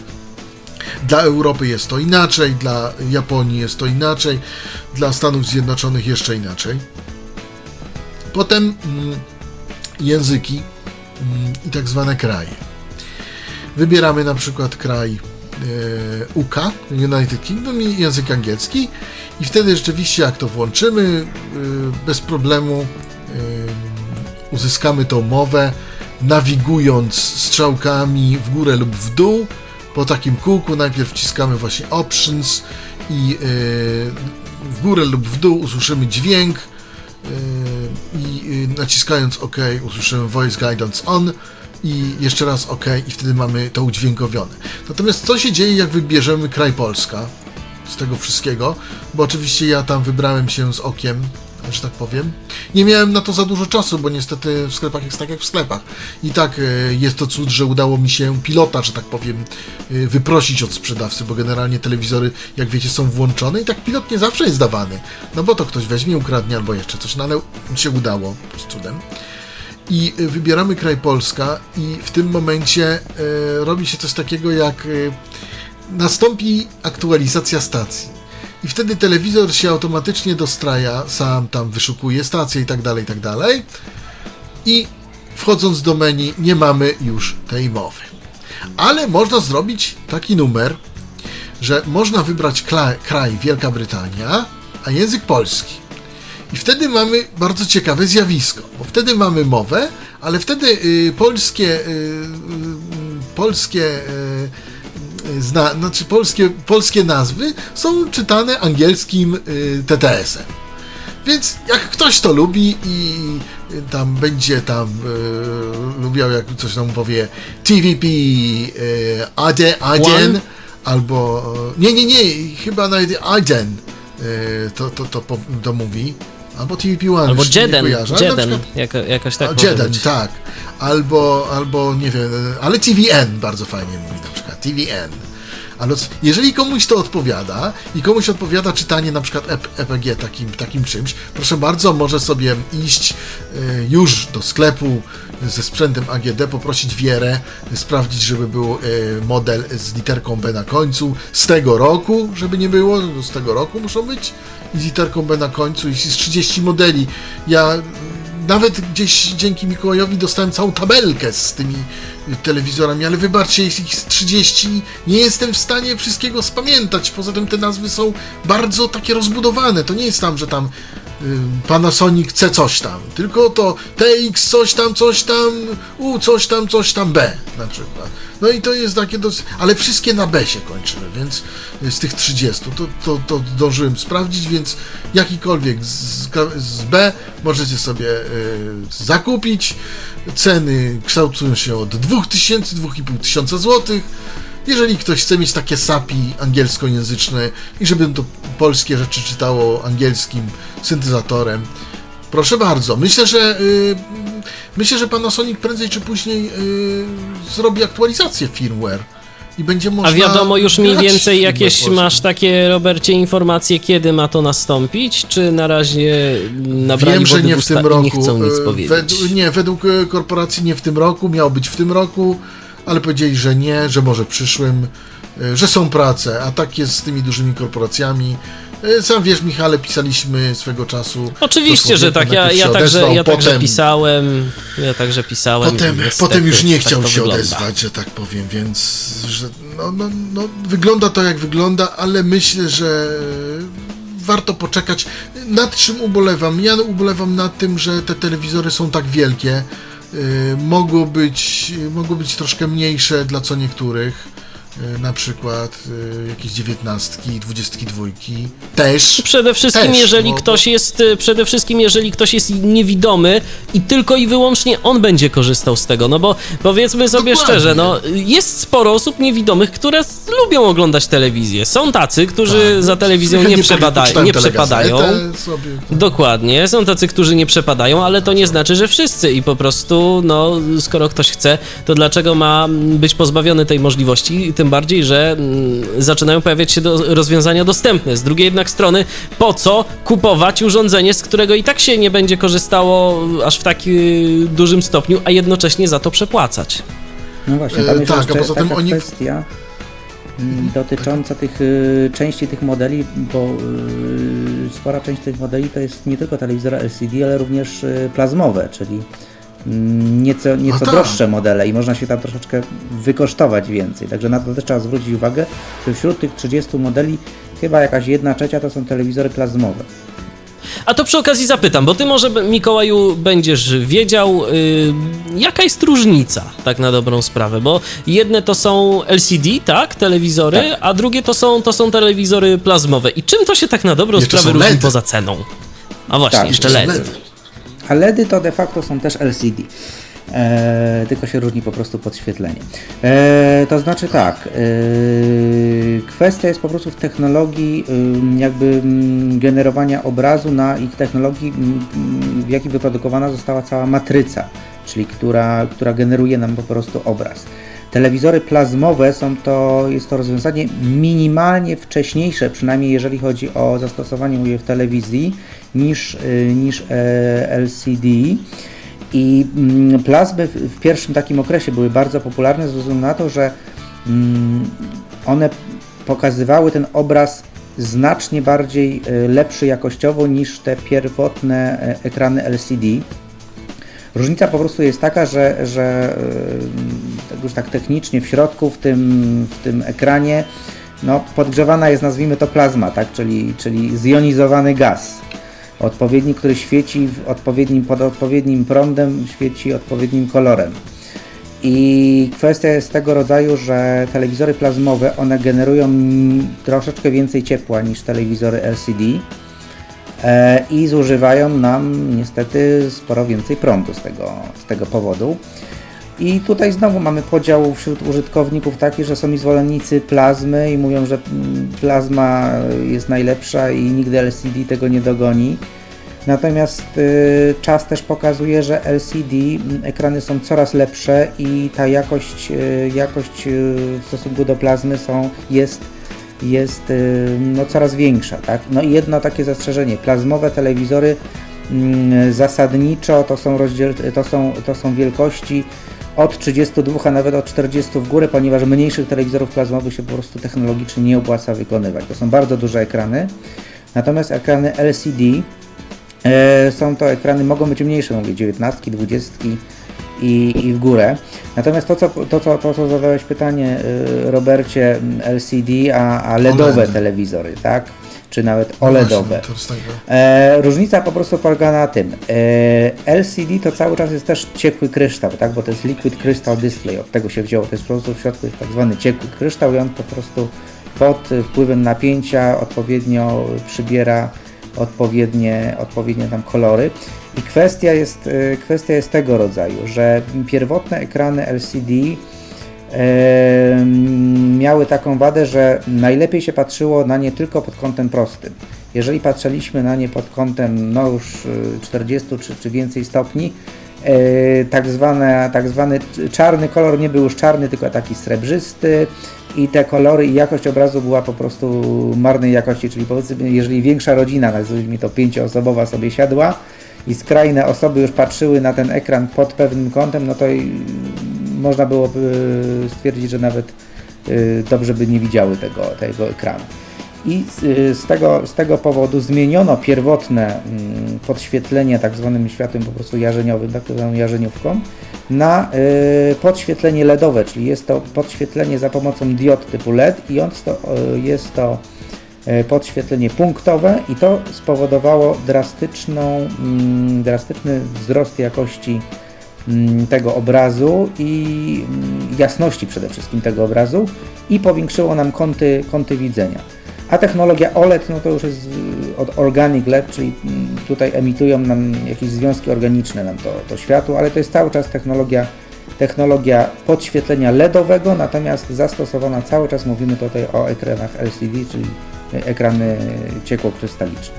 Ale czy tak. Ja przypominam, że w naszym dzisiejszym... O właśnie, to jest jeszcze ważne. Czy LCD?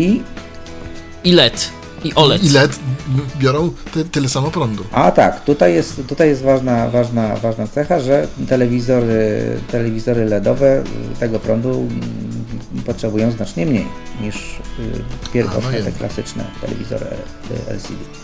To tak, to może A to też jest y, dla osób, które nie będą jednak korzystać z obrazu informacja istotna, bo w końcu po co, po co przepłacać. A ja przypominam y, dla tych wszystkich, którzy dopiero w tym momencie włączyli Radio N, że w dzisiejszym Tyflo Podcaście właśnie na antenie Radia N rozmawiamy na temat y, telewizji cyfrowej, przede wszystkim naziemnej telewizji cyfrowej. Moimi gośćmi są Mikołaj Rotnicki oraz Robert Łabęcki. 223988027 wewnętrzny 938. Jesteśmy także do Waszej dyspozycji na Skype'ie, można dzwonić. tyflopodcast.net to jest nasz login, piszemy tyflopodcast.net. Teraz odrobina muzyki i wracamy do Was już za chwilę. Radio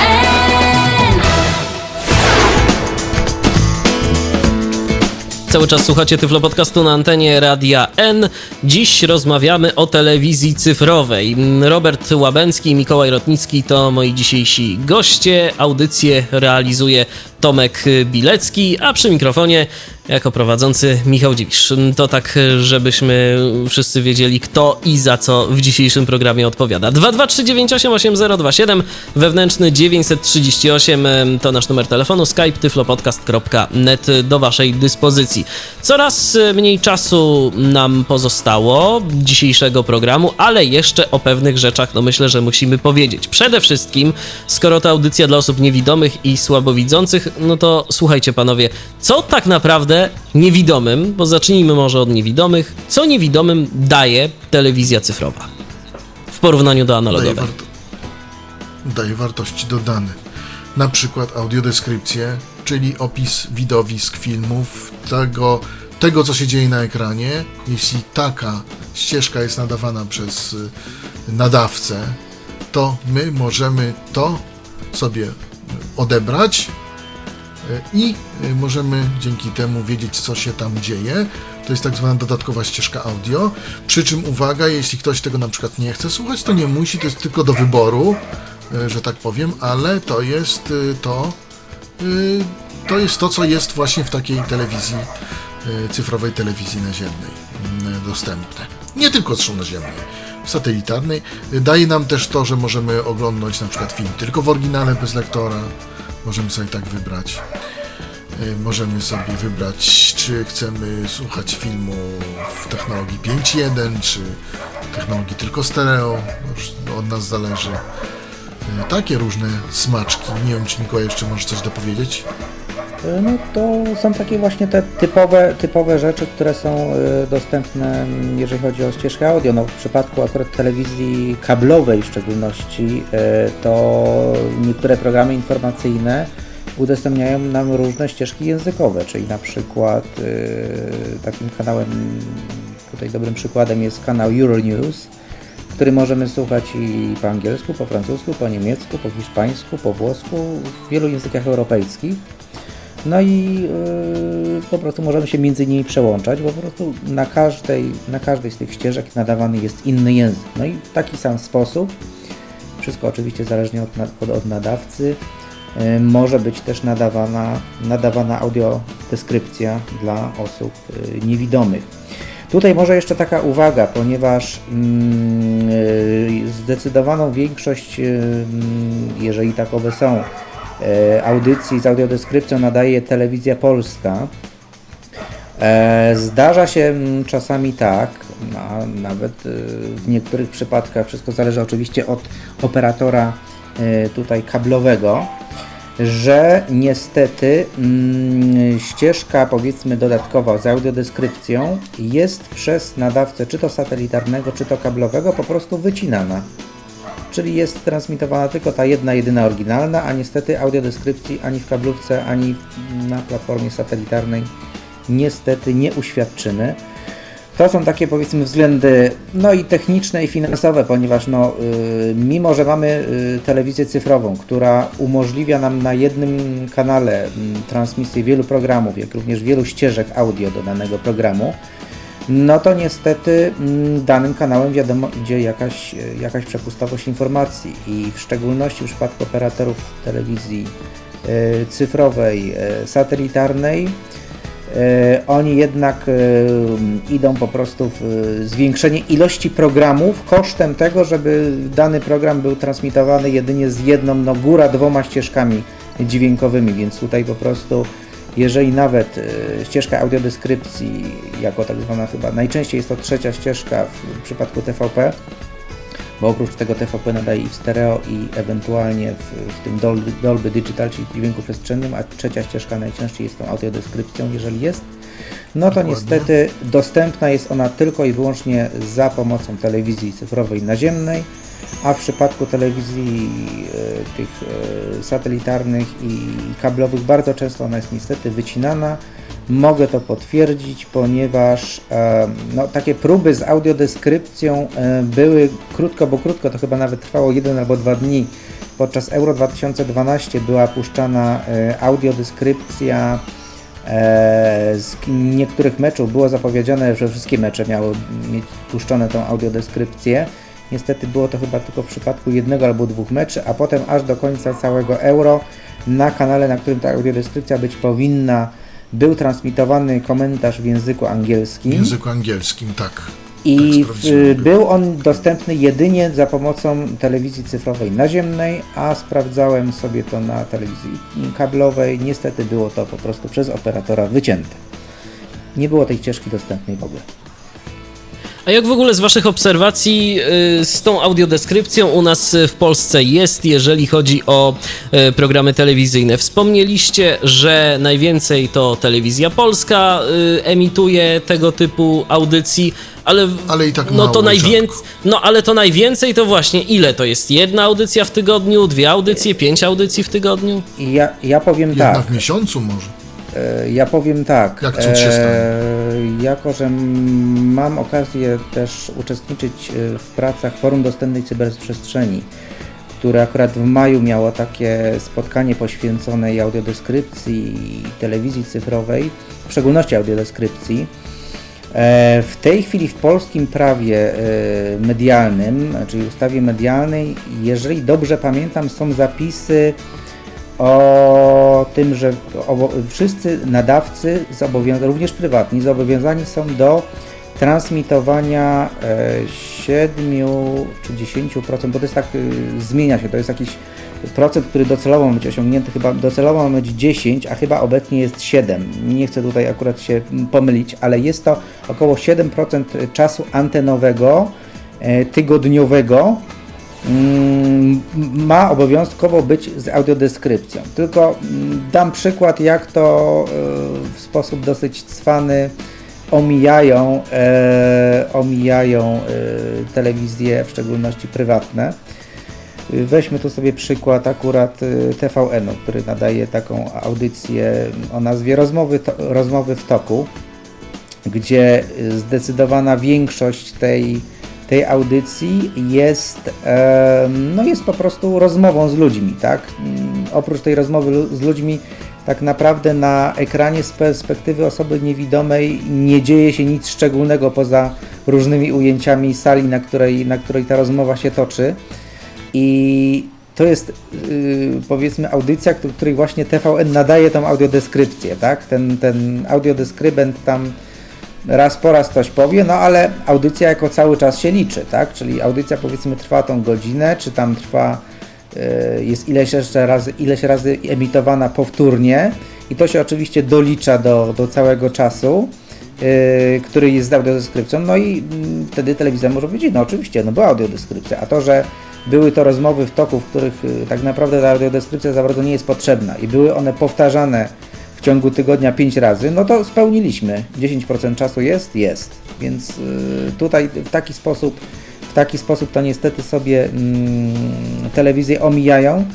Natomiast, no mówię, y, tutaj w czerwcu w ramach Forum Dostępnej Cyberprzestrzeni mm, uczestniczyliśmy i cały czas uczestniczymy w konsultacjach z Krajową Radio, Radą Radiofonii i Telewizji i pewne konsultacje dotyczące audiodeskrypcji miały miejsce. Tutaj wszystkie organizacje zrzeszone w FDC zgłosi, zgłosiły takie wspólne stanowisko. Nie będę tego się akurat rozwodzić o jakichś szczegółach, natomiast nacisk jest e, po prostu na to, żeby ten procent był e, programów z audiodeskrypcją był coraz większy i żeby egzekucja tego była jednak em, powiedzmy większa i żeby te programy były po pierwsze e, nadawane w porach no, dla nas dostępnych, a nie gdzieś tam nocne powtórki. No i żeby ta audiodeskrypcja jednak była stosowana w programach, do których ona została przeznaczona, czyli przede wszystkim w filmach e, i różnego rodzaju e, programach powiedzmy popularno-naukowych, a nie, a nie programach typu talk show, gdzie tak naprawdę ta audiodeskrypcja nie jest potrzebna. Stopniowo się to będzie, mam nadzieję, zmieniać na lepsze. Mam tu jeszcze taką informację od y, Pawła. Paweł napisał a propos programów z audiodeskrypcją, że TVN Meteo także emituje y, programy z audiodeskrypcją i że to są około 2-3 programy na dzień. No nie wiem jak dużo może się dziać w programie o pogodzie, bo tak y, jak dobrze pamiętam to właśnie TVN Meteo, no i zresztą z nazwy sądząc to, to, to tym się właśnie zajmuje ta stacja. Mikołaju, Robercie, oglądaliście może? Mieliście okazję się zapoznać? Nie, no to jest chyba kanał płatny, z tego co wiem. A może się mylę, ale jakiś nie, nie ogólnodostępny. To znaczy TVN ja w- mam akurat w paczce, y, no nie naziemnej, ale w, w kablówce jest to po prostu program pogodowy emitujący co chwilę y, prognozy dla różnych y, rejonów kraju. Natomiast akurat nie miałem okazji się natknąć na, na tą audiodeskrypcję w tym programie, ale z chęcią, z chęcią to sprawdzę i zobaczę w jakim rodzaju programu ta audiodeskrypcja jest, jest nadawana. No i jeszcze jedna informacja od Pawła, że mm, operator UPC audiodeskrypcję meczów y, wpuścił w kabel, że tak powiem, nie tylko naziemna telewizja cyfrowa, y, nie tylko tam było to dostępne także właśnie y, w UPC. No okazuje się, że mm, no jednak na satelitarnych platformach no nie było dostępu do tej audiodeskrypcji. No, w końcu jednak no, pasmo satelitarne jest znacznie droższe niż, y, niż kabel, niż transmisja w kablu, więc gdzieś tam można to jeszcze powiedzmy no, tym y, tłumaczyć. Natomiast y, jedna jest sprawa, bo my mówimy o audiodeskrypcji, a co nie powiedzieliśmy, jak wybrać tę audiodeskrypcję, jeśli już ona jest, albo jak sprawdzić, czy w ogóle ona jest. Bo, No właśnie. Bo, bo ja na przykład sobie czasami sprawdzam, jest coś z audiodeskrypcją albo nie ma, no bo generalnie to tak ciężko gdzieś tam sobie zobaczyć, no będzie coś w tej audiodeskrypcji, czy nie. Nie ma jakiegoś zbiorczego miejsca, gdzie sz- m, można szukać, no można chodzić po stronach TVP, ale jak ktoś lubi y, te strony, ktoś lubi tam grzebać, ja akurat niekoniecznie. Ja wolałbym mieć jakieś, jakieś takie miejsce, gdzie ja zawsze mogę sobie sprawdzić, co będę miał z audiodeskrypcją, ale na razie takiego nie ma. Więc jak to sobie najprościej sprawdzić? Więc generalnie jak dostaniemy do ręki pilota mm, z takim, od, czy to od set-top boxa, czy od telewizora, y, musimy y, y, poszukać przycisku o nazwie albo audio, albo AD. Y, To znaczy nie audio description, bo też tak można y, interpretować, ale additional y, directory albo coś takiego. W każdym razie to jest tak. Y, Są trzy jakby sposoby, ja zauważyłem, wy- wybierania tak, tej audiodeskrypcji. I może najpierw z przyciskiem audio. Z przyciskiem audio są dwa sposoby. Naciskamy przycisk audio na pilocie i y, są na pilocie w takim najczęściej w takim kółku. Po środku jest przycisk OK, takiego kółka, a na górze i na dole, po lewo i po prawo są strzałki. W górę, w dół, lewo i w prawo. I o ile te w lewo i w prawo nas nie interesują, bo, bo robią one inne rzeczy, na przykład w niektórych set-top boxach przełączają lewy kanał, prawy kanał, stereo mono na przykład. Generalnie często tak jest. O tyle strzałki w górę i w dół nas interesują, bo robimy coś takiego. Naciskamy przycisk audio na pilocie, naciskamy strzałkę w dół lub w górę, to w zależności od tego, jak sobie chcemy. No ale ja zawsze naciskam w dół, bo wychodzę z założenia i generalnie tak jest, że jak wchodzimy na kanał, to jesteśmy na, zawsze na ścieżce głównej. Yy, Bo trzeba też pamiętać, że jak tuner znajdzie nam kanały automatycznie po stronieniu, to on zawsze znajdzie ścieżki główne. A te dodatkowe to trzeba sobie jakby odpowiednio wybrać. I teraz naciskamy przycisk audio, żeby już nie komplikować. Naciskamy przycisk audio i strzałeczką w dół jeden raz. Nie usłyszymy nic. Naciskamy przycisk OK. No i nam się zmieni coś. Teraz sprawdzamy, albo mamy audiodeskrypcję, albo nie. Jeżeli nie, to naciskamy znowu strzałkę w dół. No i znowu przycisk OK. No i wtedy nam ta audiodeskrypcja wskoczy, jeżeli jest nadawana. No, y, tak samo czy tam inny język, czy, czy lektor oryginalny i tak dalej, bo tak się to przełącza, te ścieżki tak zwane audio. Jeżeli chcemy wrócić do normalnego obrazu, bo może by tak być, że my chcemy mieć y, audiodeskrypcję, na przykład to osoba widząca chce obraz odbierać, a tak samo to nam nie wyjdzie, tylko cały czas będziemy mieli to menu na ekranie, więc jeszcze raz naciskamy przycisk audio, który służy tak jakby do, taki, tak jakby prze, y, przełącznik. Włącza nam menu, wyłącza nam, włącza, wyłącza. I on wyłączy nam to menu. To jest jeden sposób wybierania audiodeskrypcji. Drugi sposób audiodeskrypcji to jest taki, troszkę prostszy, że naciskamy przycisk audio i strzałkę w dół, w dół, w dół i ona już nam, albo w górę, ale ona już sama nam przełącza yy, yy, yy, ścieżkę. I teraz w momencie, gdy usłyszymy audiodeskrypcję, naciskamy przycisk OK i znika nam już wtedy to audio, znika nam wtedy to menu i mamy audiodeskrypcję i normalny obraz na ekranie. To jest drugi sposób. Trzecim sposobem jest sposób najprostszy. Tutaj widziałem w telewizorach Sony, Samsunga i Panasonica. Jest ta, ten y, specjalny przycisk AD, którym zwyczajnie przełączamy ścieżki sekwencyjnie po prostu. Jak leci i to jest najprostsze, bo nie ingerujemy sobie w obraz, tylko in- ingerujemy w, w, samą, y, w samo audio. Tam na, na dole chyba ekranu się pojawia na przykład, y, że jest taka, taka ścieżka, to mignie nam przez chyba 5 sekund, o ile wiem, ale potem to zniknie, a to jest najmniej inwazyjne i najprostsze. Y, Najprościej można wtedy wybrać y, taką audiodeskrypcję.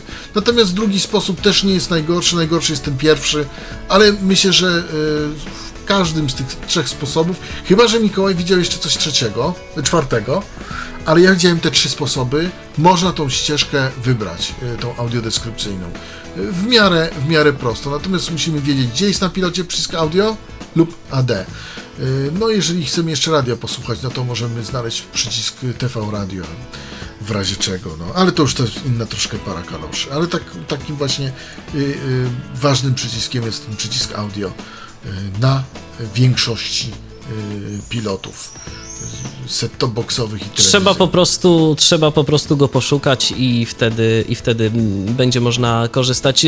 I teraz y, już tak na koniec y, naszej dzisiejszej audycji jeszcze chciałbym porozmawiać i poruszyć temat dostępności odbiorników. Y, Może najpierw Mikołaju, od ciebie zacznę. Z perspektywy słabowidzących, na co powinny takie osoby zwracać uwagę w momencie mm, wyboru odbiornika, czy tunera, czy, czy odbiornika telewizyjnego y, do odbioru naziemnej telewizji cyfrowej? Co jest istotne, mm, na co trzeba zwrócić uwagę?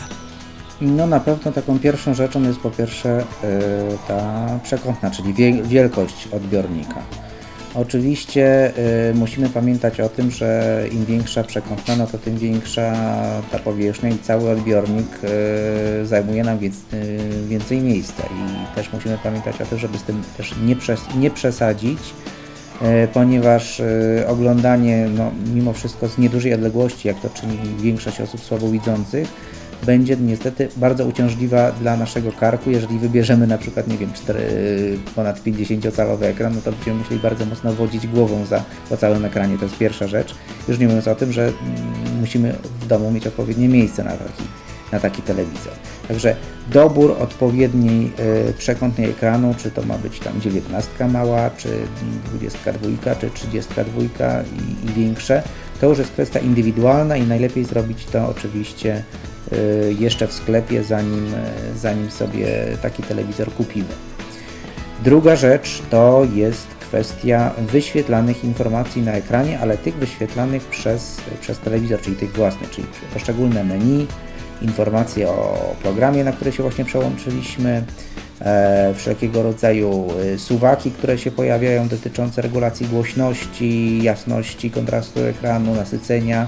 Wszystko to musimy sobie sprawdzić wcześniej, czy kontrast oferowany y, i kolorystyka jest dla nas zadowalająca, ewentualnie czy istnieją jakieś możliwości oferowane przez producenta telewizora y, dotyczące już zmiany tego, czyli możemy ewentualnie sobie zmienić ustawienia kolorystyki takiego menu.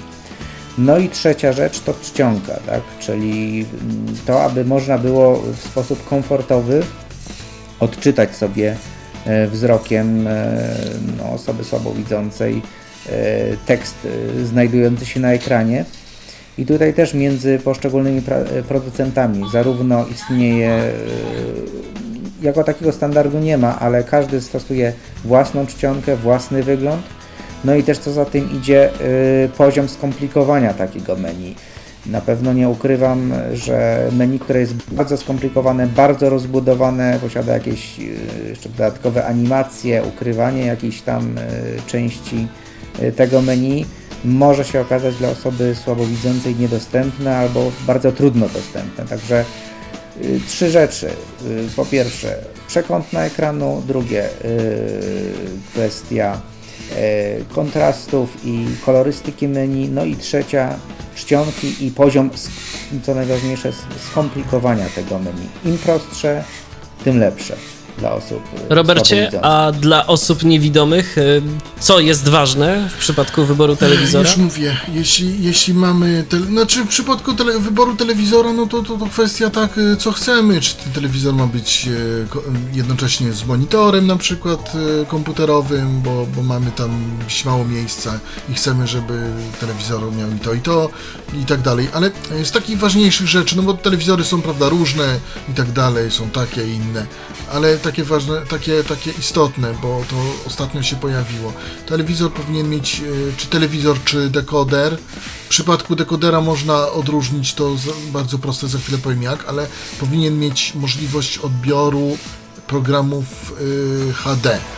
To nie znaczy, że on ma wyświetlać te programy w HD, bo może nie mieć takiego wyświetlacza, ale ma mieć możliwość ym, odbioru HD. Dlaczego ja o tym mówię? Dlatego, że ostatnio się pojawiło w momencie włączenia ym, przez telewizję polską tych strumieni HD na tych muksach. Yy, przypomnę dla muksu pierwszego programu pierwszego, dla muksu drugiego, pro, yy, dla muksu trzeciego programu drugiego w HD pojawił się problem taki, że nagle ludzie przestali odbierać program pierwszy telewizji polskiej, tudzież program drugi. Yy, ci, co nie mają, a, ci, a, a gronie ma e, muksu yy, trzeciego, no to mieli niezły problem. Co się okazało, że po prostu tunery, które odbierały MP4 nie umiały nie, nie umiały odkodowywać, tudzież odbierać strumienia Full HD. No i generalnie taki człowiek zostawiał, zostawał bez programu, tylko z napisem serwis HD i koniec. Y, Natomiast jak rozpoznać dekoder, czy odbiera strumień HD? Y, Jeżeli w dekoderze jest wejście HDMI, y, to jest taki, takie gniazdko. Jeżeli tam jest to, to gniazdo, to ten dekoder potrafi odbierać strumień Full HD. Tak samo generalnie w telewizorach jest już też stosowane to wejście w większości telewizorów. y, y, Także, ale to jest o tyle ważne, że po prostu w momencie, gdy będziemy mieli jeszcze więcej tych programów HD, a jest to możliwe, to w tym momencie może być problem, bo y, programy będą po prostu niedostępne. Y, No to tak na I to tyle, jest co tylko by- tyle, tak? co Na co warto zwrócić no uwagę? tak, no bo, bo, bo, bo, bo słuchaj, no piloty na przykład, no to kwestia taki, czy są kropki na pilotach, czy nie. Na niektórych są kropki, na niektórych nie ma tych kropek.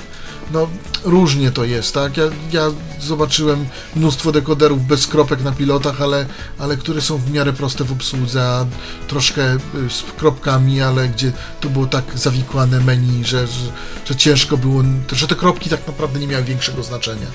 E, Także, także no, no generalnie, no mógłbym markami na przykład strzelać, ale nie, nie bardzo chcę, bo to, to reklama.